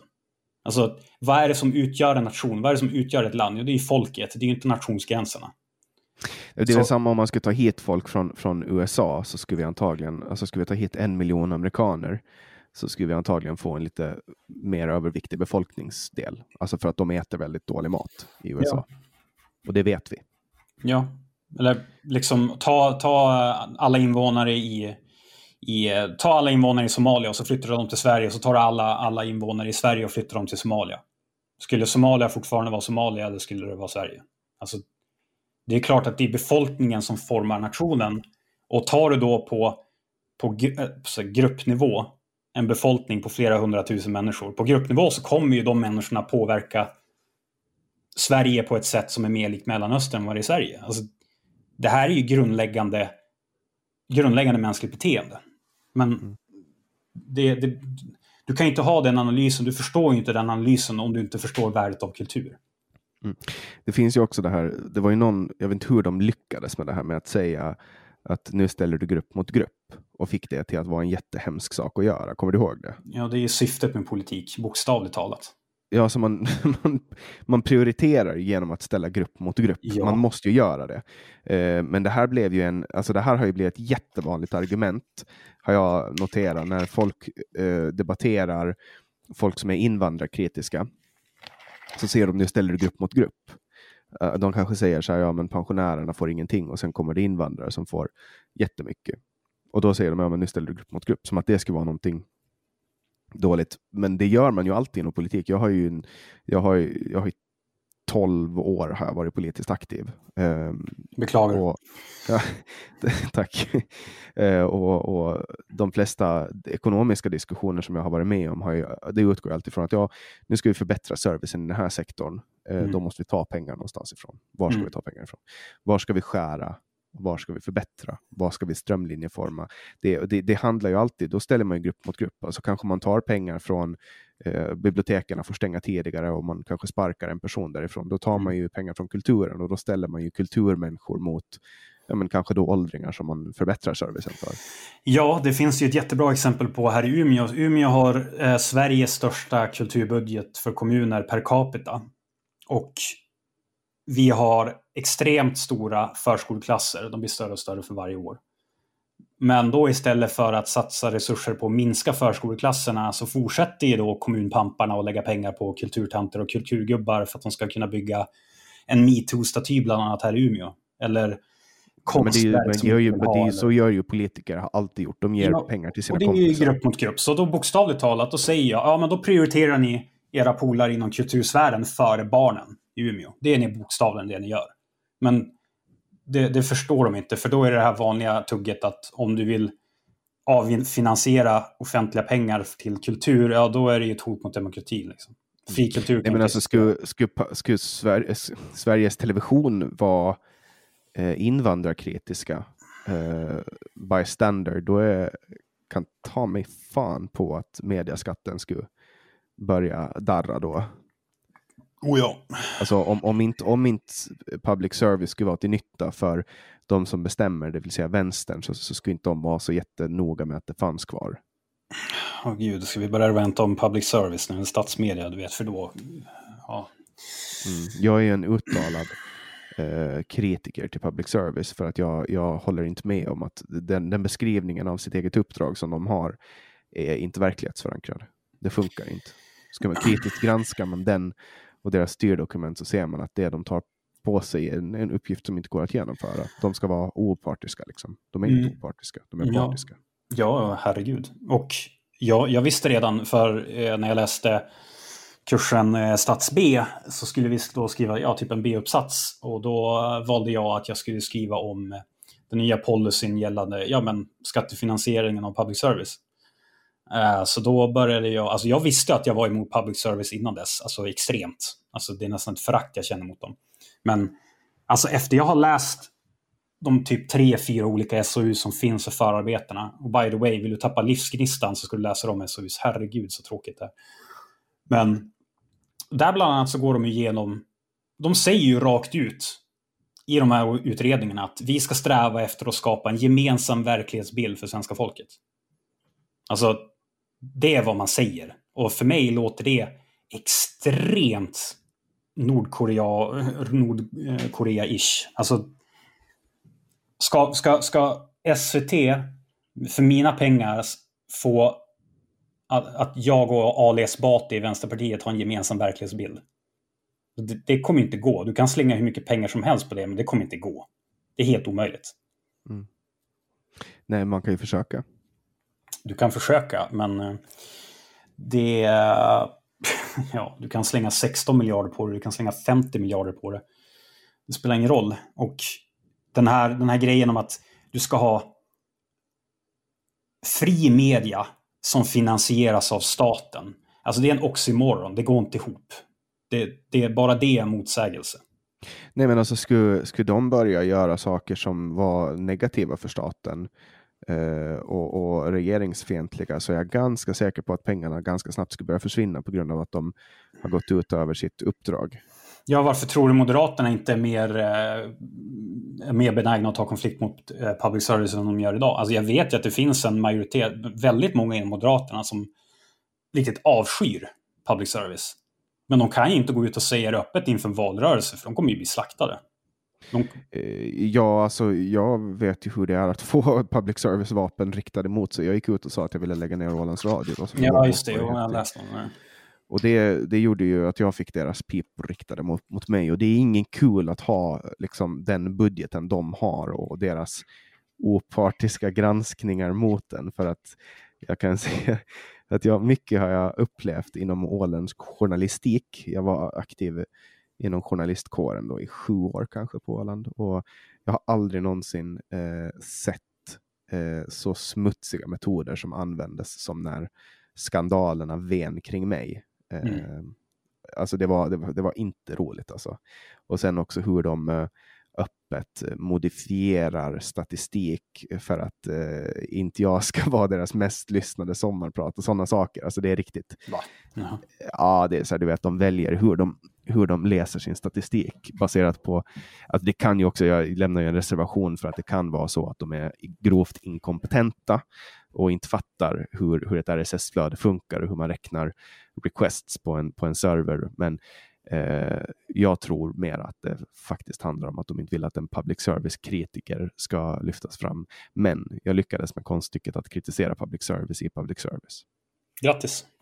Tack. Du är en hjälte. Tack. Eh, men just, just där så håller vi ju med varandra i alla fall när det kommer till public service. Det gör vi. Och det är ju trevligt. Eh, det är trevligt. Nej, fast jag tycker inte Jag gillar ju, jag gillar ju lite när det skaver lite grann. Så hitta på någonting vi inte är överens om, då blir det mycket roligare. Mm, jag har ju de senaste ganska många veckorna haft med folk med, alltså, som är ganska mycket åt vänster. Och jag tycker att det är jättespännande för att jag kan uppleva att det blir lite så här torrt att bara prata i en ekokammare som nu till exempel när vi håller med varandra jättemycket om public service. Att för mm. mig och dig är det ju självklart att public service är att vi, alltså, och så många timmar som jag antar att du också har räntat på om public mm. service. Alltså man orkar, man orkar liksom inte. Nej. Men vad ska vi, vad, jag vet inte vad vi inte håller med varandra om. Uh, vad, vad, vad, har du för åsikter som du tänker kan avvika från mig? Uh. Coronahantering kanske? Kanske, men... Jag, eh, jag, tycker att lockdown är fullt rimligt. Med utegångsförbud. Trots att jag är libertarian. Det kanske, det kanske hade varit fullt rimligt om vi hade gjort det i början. Jag ser, inget, mm. jag ser, inget, eh, jag ser inte att det ska få... Jag, jag tror inte det skulle ge så mycket nu faktiskt. Ja, eh, förutom att det stoppar smittspridningen. Då. Ja, alltså jag, tror jag, jag tror absolut att du kan ju göra Ja, men som Tyskland gör ju mycket. När de upptäcker ett fall så kör de en total typ lokal lockdown. De smittspårar, de tar reda på vilka som är smittade och så sen så får de vara hemma från jobbet och så sen fortsätter allting som vanligt runt omkring. Här i Sverige, alltså Sverige är en av två länder, tror jag, i Europa, eller tre, som inte har en digital smittspårning. Alltså, vi är ett u-land i jämförelse. Det finns ingen app för det, va? Nej, det finns det i Finland, Coronablinkern heter det. Ja, så du får liksom ett sms om du har varit i närheten av någon som har varit coronasmittad. Ja, man får, man får det i telefonen, det är en push-notis. Ja. ja. Så det funkar liksom. Alltså, det, det, det, kan väl inte vara så svårt att fixa fram, tycker jag. Eh, nej, men problemet blir ju då att man får väldigt många i karantän. Uh, tror jag att det har. Alltså min analys av hela coronasituationen i Sverige har varit att man från början valde att lita på Tegnell, för att man inte riktigt visste vad man skulle göra och Tegnell var lite, kände sig liksom lite så här utmanande och så. Eh, och sen kunde man liksom inte eh, säga stopp, för man använde ju ganska tidigt vad man ut med att sa att alla som kritiserade eh, strategin var eh, nazister och så vidare. och så vidare. Man klumpade ihop dem med, med foliehattar och konspirationsteoretiker. Mm. Eh, och, och, så valde man egentligen då att ta ungefär samma linje som Trump gjorde. Men, men att, att gå ut för Stefan Löfven och hans regering, gå ut och säga att vi gjorde fel, ehm, då, då erkänner man också samtidigt att, att man har gjort grova missbedömningar och då eh, har man kanske inte det förtroende som krävs för att få fortsätta regera. Och, och det, de vill ju fortsätta regera. Ja, alltså att en sosse ska ta ansvar och säga att han har fel, det är väl mer troligt att vi hittar liksom liv inom de närmaste fem åren, skulle jag gissa på. Det kommer aldrig hända. Eh, Ja, alltså jag... ja, alltså de erkänner ju att de har haft fel. De säger att vi har varit naiva. Hela ja, tiden. Jo, men då det. säger de ju vi. Alltså vi alla har varit naiva, inte att de har varit naiva. Det är ju det, är ju det de syftar på. Och naiva, naiva syftar ju snarare på att inte har varit medveten handling. Alltså det handlar ju, visst de är inkompetenta, men något jävla ansvar får de ju ha för sin jävla politik. De kan inte bara skylla på inkompetens hela tiden. Ja, de säger ju hela tiden att de har varit naiva. Så jag upplever det som att de erkänner att de har haft fel, men problemet är väl att, att folk fortsätter tillåta det hända och jag fattar att, att Moderaterna och Centern inte har velat ta tag i regeringen, eh, regeringsbildning, liksom, för att vem vill ha en sån här het potatis nu? Det mm. kan bli fel liksom. Det kan bli jävligt fel. Men, men det man borde ha gjort, och jag vidhåller det här fortfarande, jag har varit av den här åsikten i över ett år nu, eller ja, det är väl typ ett år, att man borde ha fällt regeringen direkt Eh, och, och, gjort en samlingsregering. För att man har utlyst i alla, inte alla, men många länder i Europa så har man utlyst eh, krisundantag, alltså undantagslag. Man har gjort det i Finland. I Finland har man varit väldigt enig om hur strategin ska funka. Därför har man inte behövt en samlingsregering. Men i Sverige har man varit oenig. Mm, samtidigt som vi har haft oppositionen som har kritiserat majoritetsblocket och sagt att ni kan inte göra så här, ni måste agera så här, så har man fortfarande ändå inte varit benägen att fälla regeringen. Och det ska jag, mycket av det ansvaret lägga på Centern. Ja, men det är för att de inte är en opposition, de är regeringsparti. Alltså de stöder aktivt, inte aktivt, men de stöder passivt regeringen. Ja, de vill ha kakan och uh, äta den. Ja, men alltså, jag menar, skulle regeringen gå ut idag och säga Pontus, du får inte lämna din lägenhet förrän för, för, för vad du vill, utan du får bara lämna lägenheten om du ska åka och handla mat. Alltså jag hade ju bara ett stort jävla långfinger och sagt du drar åt helvete, det kan du fet glömma. Aldrig i livet. Mm. Aldrig. Men du hade fått böter om du gick ut. jag skiter i. Alltså, alltså, på, alltså det, är, det är så jävla provocerande att liksom sossaden med, med, med Löfven och, och Strandhäll, eller vad, vad heter hon, finansministern? Uh, um, Magdalena Andersson. Magdalena Andersson. Alltså när de liksom bara, och, och Dan Eliasson också, den här katten med nio liv som verkar vara helt omöjlig att sparka. Alltså när ja, de han, ska ju, han ska ju få chilla nu eh, resten av sin, uh, sitt förordnande och är det mm. tre år ska han få... Bokst ja. Bokstavligt talat, det där, är, det där kallar man i resten av världen för korruption, men det gör man inte här i Sverige. Eh, så Alltså du vet när, när, Stefan Löfven går ut och julshoppar, när han har gått ut och sagt så länge att hitta inte på ursäkter som passar just dig, utan ta ansvar. Och så Magdalena Andersson som går och hyr pjäxor i fjällen under en pandemi, när hon har haft så jävla hög svansföring att vi måste ta ansvar nu. Och så sen ska de komma och säga, hörru du Pontus, du får inte lämna lägenheten förutom att handla. Alltså glöm det. Inte en chans. Inte en mm. chans. Nej, men det, det, är att man har ju ingen förtroende och du har ingen förtroende för dem. Det är konstigt. Många har inte förtroende för dem, men Centern har förtroende för dem och det är väl det som är problemet. Att man, ja. man tycker att det, man, man låter hellre människor dö i pandemin, eh, som nu händer. Det är jättemånga som har dött i Sverige, än att eh, låta Sverigedemokraterna vara med i en eventuell samlingsregering då, eller en annan regering, en majoritetsregering som det skulle bli om, om, om SD eh, Moderaterna, KD och Centern skulle regera. Mm. Alliansen mm. plus SD då. Ja, så man kan ju inte förneka att vi har ju många döda i Sverige.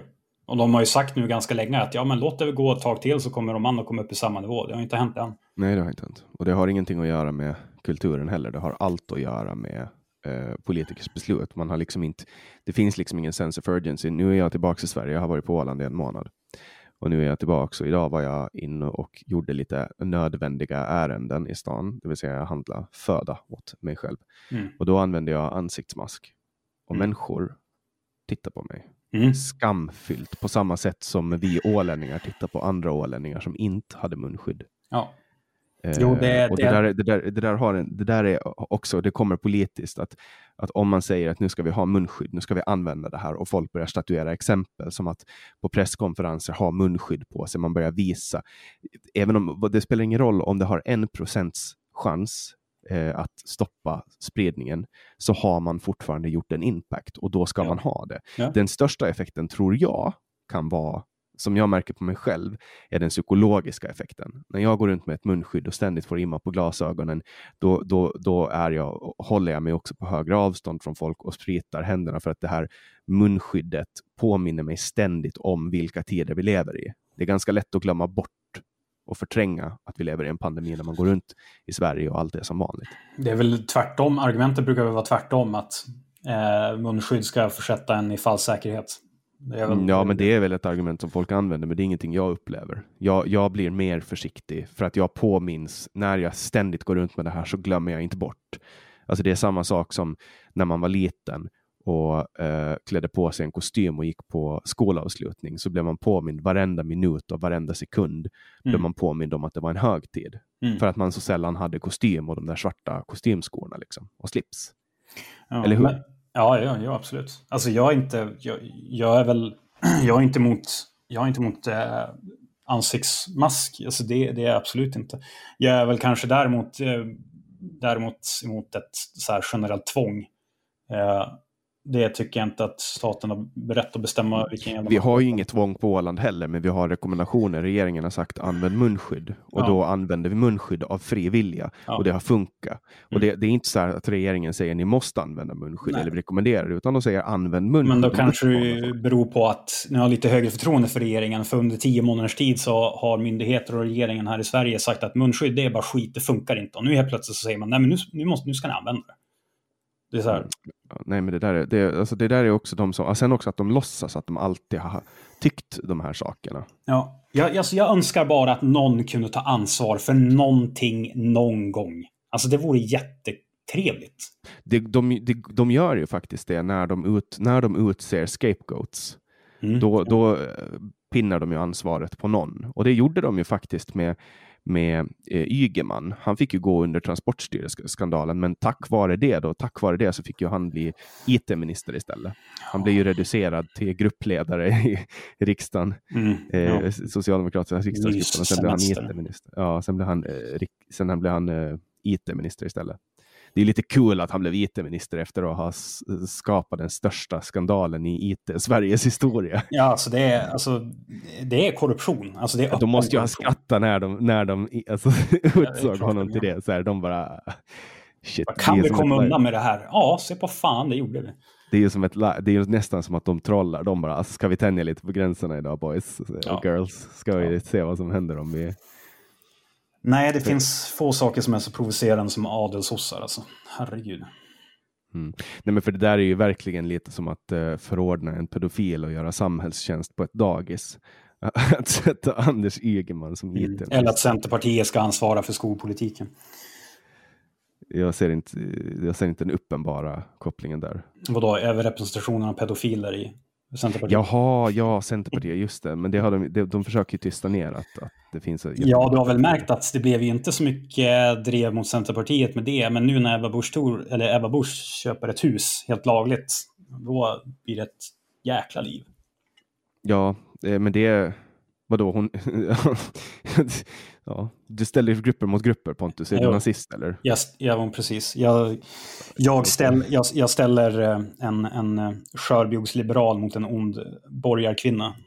Vad är en skörbjugsliberal då? De det är väl...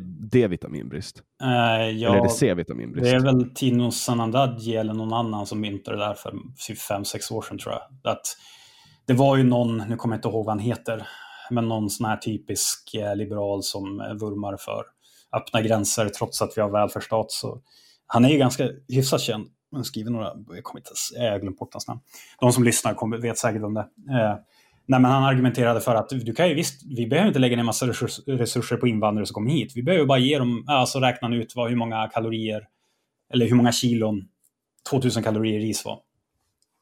Alltså hur många, hur många, hur många, hur mycket ris de behövde äta för att komma upp till 2000 kalorier.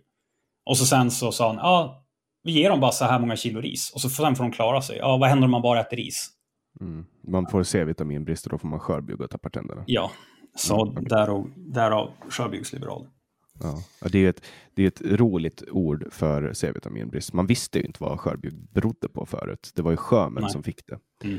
Eh, för att de hade mycket ensidig kost. Men sen, sen var det någon som insåg att ja, men, mm. det lastar på lite apelsiner. Eller vad det nu är som innehåller C-vitamin. Det kanske D-vitamin. Nej, det är, det är C. Ja, det finns väl lite, lite av allt möjligt. Ja, nej, jag, vet, jag, vet, inte hur vi kom in på Sjöbygdsliberaler från min YouTube-kanal, men det gjorde vi. Mm. Ja, vi har ju surrat på, vi har ju fortfarande en halvtimme kvar, så jag tänker att du kan väl få introducera. Vi, vi försökte ju hitta polemik. Ja, det var väl, ja just det, hade du köpt det? Alltså om, om, om regeringen hade sagt att du får inte lämna lägenheten förutom att gå och handla, hade du köpt det då? Ja, alltså om, Ja, alltså det är klart. Alltså, så här, jag är ju libertarian. Jag anser att staten ska vara så liten som möjligt och agera när det är i alla vårt intresse. Sällan, men när det väl krävs, göra det med full kraft. Och eh, att rädda så många människors eh, eh, individuella liv som möjligt kan man göra genom att komma överens om att nu gör vi så här så löser vi de här problemen. Det är samma sak. Tänk dig en trafikstockning. Du vet ju vad en trafikstockning beror på. Det är någon jävel down the line som bromsar och kopplar dåligt. Mm. Skulle du ha att, alla, att man kommer överens om att nu kör vi två kilometer i timmen och alla skulle hålla den takten. Då skulle, då skulle en trafikstockning inte kunna uppstå. Men människor, en människa bromsar och det, det blir en, en effekt som, som går två kilometer bakåt i kön. Men om alla i den här kön kommer överens om att nu kör vi den här och den här hastigheten eller att man lämnar allting åt en ledare som får bestämma att nu kör, nu kör alla efter mig och liksom inga, inga onödiga inbromsningar. Då ska man undvika det här. Och när, när det krävs uh, att, att nu, nu, nu gör vi det här för vår gemensamma, eh, uh, vår, vårt gemensamma bästa Mm. Eh, vi, vi, vi stannar inne nu i tre veckor och, och, och alla gör det här. Då kommer viruset att själv dö. Det kommer att göra det om alla stannar inne. Men, men, problemet är att alla gör inte men vi kan minimera det. Och jag är alltså fullt beredd, med, äh, beredd att komma överens genom det högsta politiska styrande organet att det här förhåller vi oss till. Jag behöver inget utegångsförbud. Men jag sitter i karantän. Jag satt i karantän i eh, två veckor när jag kom till Åland. Det är en vecka rekommenderat, men jag satt i karantän. Jag använde munskydd när jag gick i butiken. Jag respekterar alla regler för att det är så man gör, tänker jag. Jag, jag uppbär mitt ansvar för det jag tänker sist och slutligen. Jag träffar inte ens min farmor. Jag älskar min farmor. Hon är en av de absolut viktigaste människorna i mitt liv, men jag träffar inte henne för att jag vill inte döda henne. Alltså, så jag vill inte ens riskera att eh, att, att ge en möjlighet till att dra en smitta eller, eller någon annans farmor. För man gör inte så. Mm, nej, ja, om jag förstår det rätt så du är lite mer inne på, vad ska man säga, konsekvensetik istället för pliktetik. Så att säga. Ja, jag, får ju, jag måste ju fundera på, alltså nu har ju Åland den högsta incidensen i hela Finland av coronasmittade. För att eh, någon eller några få individer valde att ställa sig över det vi har kommit överens om att göra. När det verkligen när det verkligen eh, bryter. Jag skiter i om någon kör för snabbt, kör 60 på 50-väg eller 70 på 50-väg och de får en bot. Jag skiter i det, de får göra det om de vill. Men när det kommer till att hela åländska samhällen nu stänger ner det påverkar alla krögare, alla restaurangägare, alla butiksägare, alla som har barn på dagis, skola och så vidare. och så vidare. När, när 3% av Åland sätts, sätts i karantän. Och, och, och, och, om jag skulle veta att jag har orsakat det, jag skulle skämmas. Satan vad jag skulle skämmas. Mm, jo, alltså, Men för mig räcker rädslan för den skammen. Jo, eh, och jag är väl typ likadan. Alltså, jag, jag, ska väl vara ärlig och säga att mitt liv har inte förändrats supermycket på grund av pandemin. Alltså, jag gick typ aldrig ut på barer. Eh, jag gick aldrig ut och festa. Eh, det enda som skilde början det var att jag sket i gymmet i typ två, tre månader. Jag åt inte att gymma. Nu Så du åkte, till, du åkte till gymmet och sket?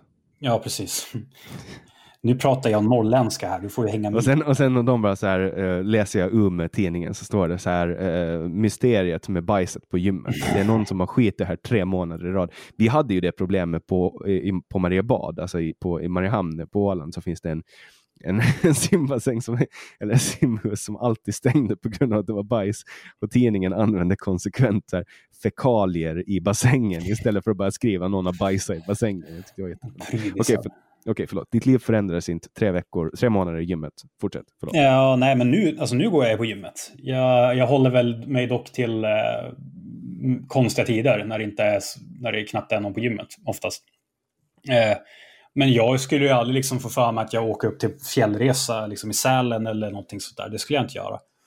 Men jag, jag, känner, jag, jag känner fortfarande, eller känner, jag tycker att regeringen inte har någon legitimitet. Inte för mig. De har, de har förstört sina chanser för att verka enande för Sverige för länge sedan. Och när de går så här velande fram och tillbaka om vilka åtgärder som gäller. Jag menar, du har ju Region Västerbotten här som säger att vi ska undvika resande. Allt resande. Och sen så har du Tegnell som går i media och säger ja, nej, vi tycker inte att man ska liksom ta bort tanken om sportlovsresor. Alltså, mm du har regionen som säger en sak, sen har du staten som säger en sak. Alltså, ja, jag, det, det, är sån, det är sån inkompetens som, som flödar igenom hela den här hanteringen. Så jag har insett att mitt sunda förnuft är förmodligen bättre än deras tillsammans. Så Nej, jag tänker inte åka till fjällen. Nej, jag tänker inte besöka ett äldreboende.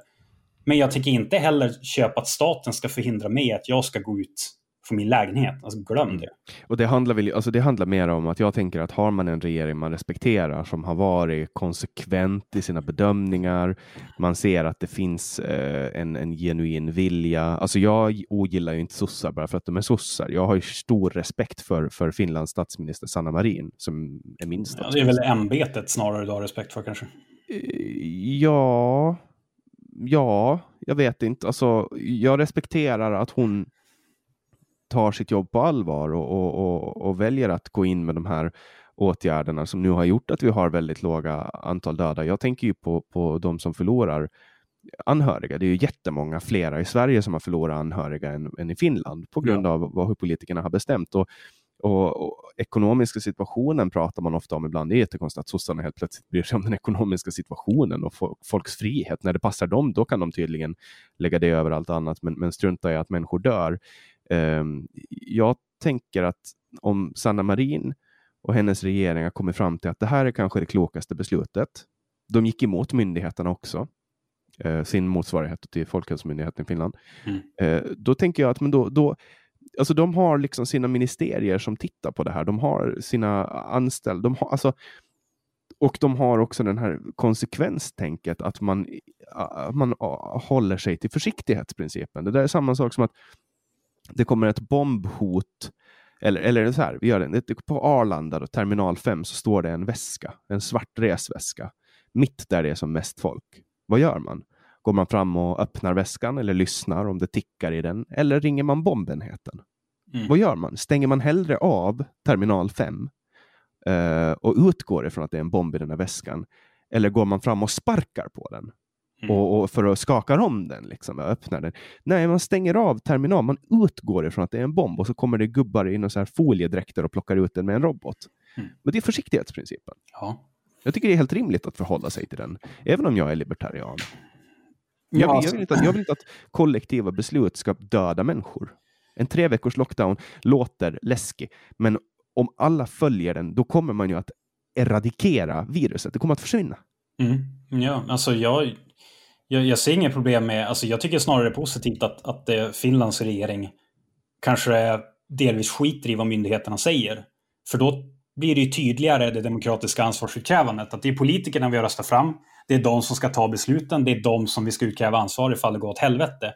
Här i Sverige så har det ju snarare varit att man har skjutit över, i alla fall under första tiden så sköt man över ansvaret på myndigheterna och tjänstemännen inom myndigheterna. Men alltså det, det är, liksom, det är ett demokratiskt problem. Då skapar du ett demokratiskt underskott. För jag har inte, jag har inte valt dit någon tjänsteman som ska ta beslut om mina rättigheter. Mm. Nej, i, I Finland eh, så fick ju eh, Sanna Marins eh, föregångares föregångare, Juha Sipilä, fick ju avgå på grund av att han misslyckades att ena eh, riksdagen under en social eh, reform. Mm. Eh, och, och ja, alltså, det är ju ansvarsutkrävande. Ja. De avgick. Och, och så lämnar de över makten. Mm. Ja, men det är liksom, varför ska jag lyssna på en regering som begränsar mina friheter, mina rättigheter, mina medfödda rättigheter? När de inte ens är beredda att ta ansvar för sina beslut, utan de skjuter det ner i bajstegen neråt, så att säga, till myndighetschefer som jag inte har någon kontroll över. Det är, nej, det, det är riktigt provocerande. Det är, Ja, som också visar sig ha fel gång efter gång efter gång. Alltså för att jag ska få förtroende för svenska regeringen så krävs en ny regering. Ja. Alltså demokrati handlar om legitimitet. Du måste ha legitimitet hos folket för att man ska följa riksdagens förordning, eller regeringens förordningar och riksdagens lagar som de stiftar. Och just nu så gör regeringen ett jättebra jobb för att undergräva den tilltron. I alla fall för mig och väldigt många andra.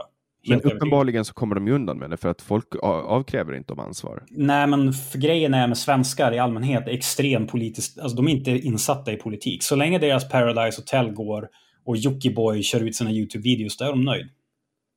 De, vi, det har jag sagt flera gånger förut, vi behöver misär. Alltså vi behöver total misär så att svensken bara vaknar upp och säger hur i helvete händer det här? Vilka har vi röstat fram som har skapat det här? Och det kan ju bli för sent. Ja, det, Det är så de som Säkert. bär upp det här samhället, det är ju de innovativa, de kreativa, ja, de ja, då, företagsamma. ja, då har ju de stuckit redan för länge sedan. Mm.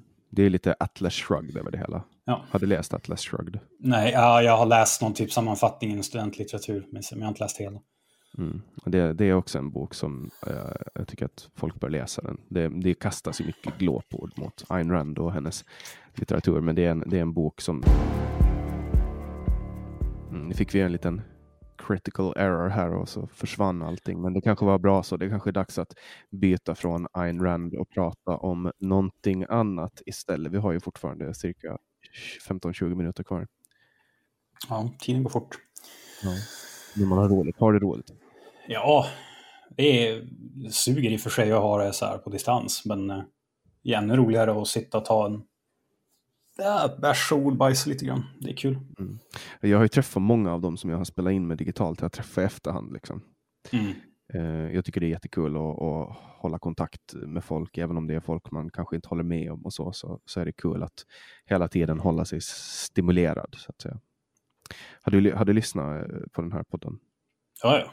Jag har inte lyssnat på typ de två, tre senaste tror jag, men eh, innan, innan, jul, innan jul så lyssnade jag på de allra flesta tror jag. Vilken är, vilken är din favoritgäst av de som har varit med? Eh, Du hade väl med... Jag ska fuska här lite grann och ta upp min Spotify. Vilken jävla avsnitt det var. Jag kommer inte ihåg vad han heter. Det är okej att fuska. Du kan ju kolla hemsidan också, samtal.ax, som är lite dålig på att upp, uppgradera. Jag behöver ha någon att skriva någon, eh, någonting som gör att det automatiskt laddas upp på hemsidan. Eller, eller så behöver jag en redaktör. Så om det är någon som lyssnar på det här som känner sig manad att bli min redaktör. Eh, jo, Johannes Nilsson. Jag, jag gillar Johannes Nilsson. Han är en liten... Han, är, han, är, han, han låter... Han är lite bitter, precis som jag är. Jag gillar sånt. Mm. Och- Han har ju varit, han har ju varit i, i drevfläkten nu för haveristerna. Ja, jag såg den. Det såg kul ut. Ja, de är ju, alltså det är väl, det är väl alltid fartfyllt att hamna i haveristernas drev. De är ju, de, det fläktar på bra. Mm, jo, det kan jag ju tänka mig. Men... eh, ja, nej, det, det avsnittet var bra. eh, tyckte jag. Och Johan, jag gillar Johan Grant också. Men, eh, det Ja, det var ju när, när Luna kissade på hans matta. Just det. Det var lite, innehåll, det var lite, lite sådär extra content. Ja, en bra is, icebreaker. Ja. Eh, men det, det, det sköna var ju att, att han, han är ju psykolog. Så för honom så förstår, alltså man behöver liksom inte förklara för honom varför hunden gjorde det. Han förstår liksom att det ska vara pinsammare för hunden att inte kissa på mattan eftersom uppenbarligen någon, någon hanhund har markerat där innan än vad det var att nu ta skammen av att, att jag eh, gav henne en tillsägelse. Ja, han är bra på hundar och människor alltså. alltså jag vet inte, alltså, förstår man människor så kan man nog, tänker jag, ganska lätt förstå hundar. Ja, så du säger att människor är hundar, är det du säger? Säger du att män är djur? Det är det du säger? Alltså att kvinnor är djur. Ja. Ja. Ja, vi är väl djur i någon mån. Vi djur som kan kommunicera. Ja, det är Vi så. tycker, ju om, vi tycker ju om att göra sånt som djur gör.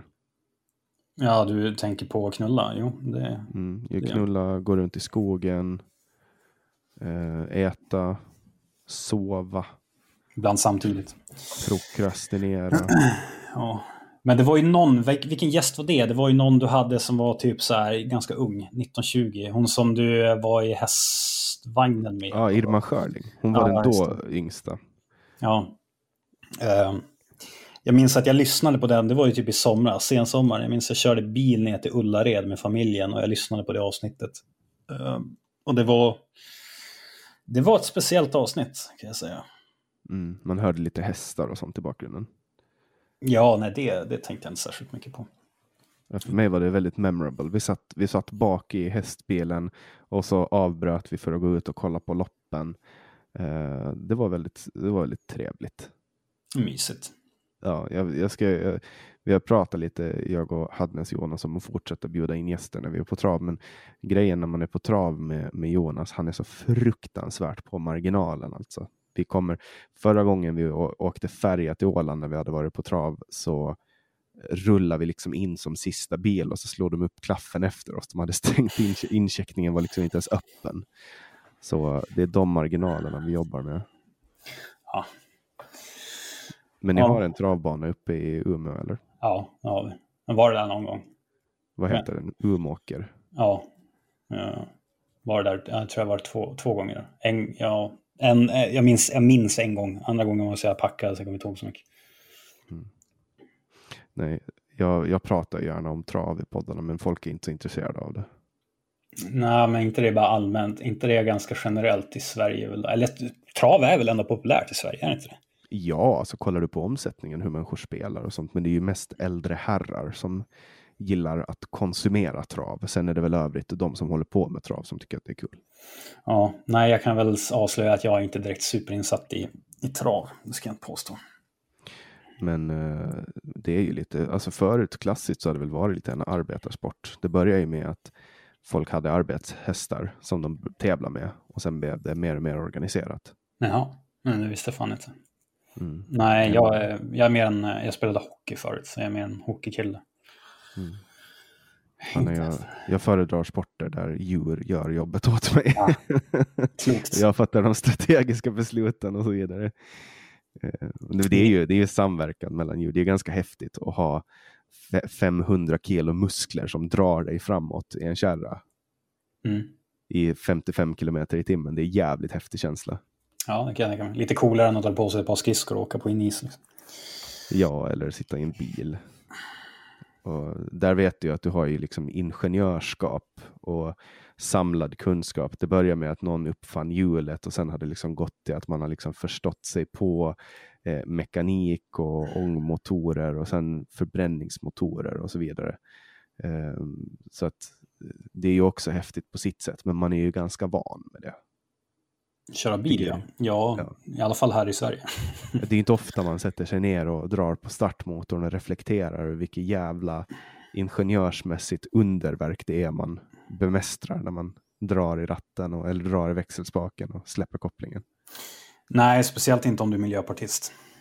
Så jag- Ja, de vill ju ha elbilar de. Men de vill inte ha, de vill inte ha kärnkraftsel. De vill ha de, vindel. de, de vill ha snabbtåg för typ 300 miljarder. Men de vill inte ha kärnkraftverk som kostar, jag vet inte, vad är det, typ så här en åttondel av det. Du kan ju få typ så här tio kärnkraftverk för de där snabbtågen. Och de vill ju också bygga ut stamnätet hellre än att eh, hellre än att, eller vänta, hur var det? De sa att det skulle ta för länge att bygga ut stamnätet. Det, var det är någonting där med stamnätet, för att det finns ju jättemycket, vi, vi har ju en, över, en netto överproduktion av el i Sverige, men den sker i norra delen av Sverige där det finns Japp. mycket vattenkraft och den går liksom inte att transportera ner Nej, på grund av att det finns inte tillräckligt med kapacitet i ledningarna. nej. Och det är ju ett jätteprojekt att bygga ut stamnätet och det skulle ju vara rimligt att göra. Eh, Ja, det vore väl, men det skulle ta en jävla tid att göra det. mm, Sen är det ju också, eh, så här, ska vi gå mot ett samhälle där vi använder mer el, då måste vi använda dem. Det, det är så konstigt att man liksom åsidosätter det coolaste vi har uppfunnit. Alltså det är i princip man tar energi från, från liksom små atomer, bara frigör extremt mycket värme i en så här ingenjörsmässigt fucking mästerverk. Mm. Eh, där man liksom bemästrar konsten att, att extrahera värme från atomer som kolliderar med varandra. Och sen bara, nej vi ska ta bort det, är bort med det. Liksom. Vi vill ha propeller, propeller som snurrar istället. Det är mycket häftigare. Ja, för det, och det börjar man använda på 1500-talet. Mm. Nej, men alltså vadå? El, Sveriges elförsörjning är uppbyggt så att södra Sverige ska ha kärnkraft, norra Sverige har vattenkraft. Och nu när man tar bort kärnkraften kommer det bli, åh oh shit, vi, måste, vi saknar el, vi måste föra över vattenkraften från, från norra Sverige till södra Sverige. Så här så bara, åh oh shit, fast systemet är inte uppbyggt så, det funkar inte. Och jag säger vad det är, om ni sörlänningar, ni får fan sköta er egen jävla elförsörjning, för vår el får ni inte. Vi behöver den. Ja, men istället då så använder man ju eh, krisberedskapspengar för att ja. rusta upp ett eh, elverk i Stockholm. Ygeman ja, igen. Ja, mm. eh, och det var ju det var ju elbra, alltså krisberedskapspengar. Så att det, då har man ju på något sätt erkänt att det finns en kris, men samtidigt så har den unisona bilden från regeringen varit det finns ingen elkris, det finns ingen elbrist. Nej, alltså tekniskt sett så har de faktiskt rätt. Det finns ingen elbrist. Alltså vi, vi har liksom under rätt förhållanden så har vi elöverskott som vi kan exportera ut. Men problemet är ju att eh, vi har inte alltid gynnsamma förhållanden. Och vad spelar det för roll om vi har elöverskott om vi inte har ett elnät som kan få ut det till hela landet? Det är väl skitsamma. Jag tror att det var Henrik Jönsson som använde liknelsen med att man har ett hus med två våningar. Och på första våningen så håller folk på fryser ihjäl. Eh, mm. Och på uh, andra våningen så har folk jätte, jättevarmt och så räknar man medeltemperaturen på lägenheten och säger att här har vi det bra. Liksom. Ja, det var smart. Ja, han är ju väldigt slagkraftig. Ja, han är faktiskt... Eh, han är faktiskt... Han är, han är, I regel så är han bra, ja. Det. I regel? Menar du att det finns undantag, att han är dålig? Nej, jag menar bara att han, eh, han ser väl... Nej, alltså han är bra. Det är väl bara att han är väl... Han är, men du vet, han är mer den ekonomiska sidan, jag är mer kultursfären. Så det är väl... Eh, vilket är bra, han, får, han gör ju nytta där också. Men mm. jag eftersom jag är höger och jag gillar låga skatter och en liten men stark stat. Men jag har insett att det spelar ingen roll hur mycket jag önskar låga skatter. Det kommer inte hända så länge invandringen fortsätter som den gör. Så därför har jag liksom gjort ja, lite pragmatisk lösning. Så jag fokuserar på invandring. Det finns, ju, det finns ju mycket andra problem att fokusera på. Till exempel att kultursektorn suger ur hur mycket pengar som helst mm. eh, till saker som inte behövs. Mm. När det finns saker som behöver pengar och går verksamheter som verkligen behövs som inte får pengar. Mm. Eller att vi ger 50 miljarder i bistånd till andra länder när polisbudgetens, Polismyndighetens budget är ungefär hälften av vad biståndet är. Mm. Det, det är ganska sjukt. Med tanke på att, ja, där har du en till lögn som sossarna kör ut. Det är ju att vi har, aldrig, vi har ju mer poliser nu än tidigare. Och det är också lögn per Kanske till numerären så, så stämmer det säkert. Ja, jag vet den som gör det, för det som har hänt är att vi har anställt fler civilanställda. Eh, sen antalet poliser har vi inte ökat särskilt mycket, men per capita så har vi ju lägre. Alltså har vi mindre poliser idag än 2010. Mm. Så. Ja. Och där har ju, vi har ju inte mycket att tacka Dan Eliasson för hans goda Va? arbete inom Polismyndigheten. Vad säger du? Hans bästa bedrift var att han gjorde ett armband som det stod tafsa inte på. Ja, men eh, ja, det är väl inget, det, är väl, det funkade väl jättebra. Det är väl jättebra i Malmö nu, är det inte det? jag undrar om det är någon som någonsin eh, varit på väg att tafsa på någon och sen bara kommit på att vänta nu här, det fanns ju en polis som använde ett delade ut ett armband till mig där det stod tafsa inte. Och så mm. struntade den i att tafsa. Mm. Så har den åtgärden hjälpt en tafsning att inte ske, då hade den ju kanske varit värd det. Mm, absolut. Jag, jag, är, jag är skeptisk. Mm. Tror inte det. Skeptisk till mycket. Men uh, då tror jag att vi har nått tidsgränsen för dagens samtal. Helvete. Ja. Och det var ju trevligt att få prata med någon från Norrland. Ja, och så sa jag med dalmål, med Norrland. Norrland. Ja, jag, pra Nej, jag pratar inte så mycket. Många som säger att jag har inte så mycket dialekt. Det är vissa ljud jag gör som ibland kan låta. Dialekt. Du säger typ? Ja, S-ljud typ. 77 och 77. S-ljuden är, då hör man. Annars är jag en liten husnorrlänning som tillber centralmakten. Husnorrlänning. Eh, alltså det är typ som en husblatte då, fast en mm. norrlänning. Exakt. Mm. Men, men min åländska då, känner du eh, av mycket av den eller låter det som stockholmska för dig? Eller finlandssvenska? Nej, nu hör jag fan det. Eh, det var massor av år sedan så dejtade jag en, en uh, finlandssvenska. Uh, hon hade ju, det hör man ju på dialekten, du har väl inte riktigt samma, men det är väl ungefär åt samma håll i alla fall. Jag tycker svenska, ja men säger du det till en ålänning så får du en spark på smalbenet. Är det typ som att säga att, uh, det kanske är som att säga att en i Skellefteå har samma dialekt som i Umeå. Det är så här, ja det är jättekänsligt. Får man inte säga heller. Ja, så kan det vara. Eller säga att folk från Skåne pratar danska. Ja, fast det gör de ju. Att... Ja, okej. Okay. Det kan vi hålla med om. Ja. Ja, men eh, kul att du var med Pontus Persson. Tack så mycket. Och till alla er som har lyssnat vill jag tacka er för att ni hakar på och lyssnar på podcasten Samtal. Det är jättekul att många av er väljer att eh, swisha pengar på 0703522472 och eh, gå in på, på, Patreon. Det är vissa som väljer att göra det och det gör mig också jätteglad och det gör ni via patreon.com samtal. Ni kan också skicka pengar via länken som finns på www.samtal.ax på Paypal till min mejladress janniksvensson.yahoo.se. På hemsidan www.samtal.ax hittar ni också eh, en länk till ett formulär där ni kan önska gäster och jag uppskattar att ni önskar gäster för att det ger mig en fingervisning om vad ni vill höra eh, för folk i den här podden och Pontus är ju ett önskegods. Så fortsätt önska. Eh, kom med olika förslag, för ibland är det svårt för mig att, att vara jättekreativ. Jag har mycket annat som jag sysslar med också. Men eh, jag släpper nya samtal alla onsdagar året runt. Jag heter Jannik Svensson och du har lyssnat på podcasten Samtal.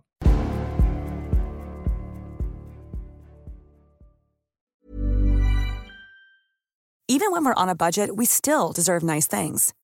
Quince is a place to scoop up stunning high-end goods for 50 to 80% less than similar brands. They have buttery soft cashmere sweaters starting at $50, luxurious Italian leather bags and so much more. Plus, Quince only works with factories that use safe, ethical, and responsible manufacturing. Get the high-end goods you'll love without the high price tag with Quince. Go to quince.com/style for free shipping and 365-day returns.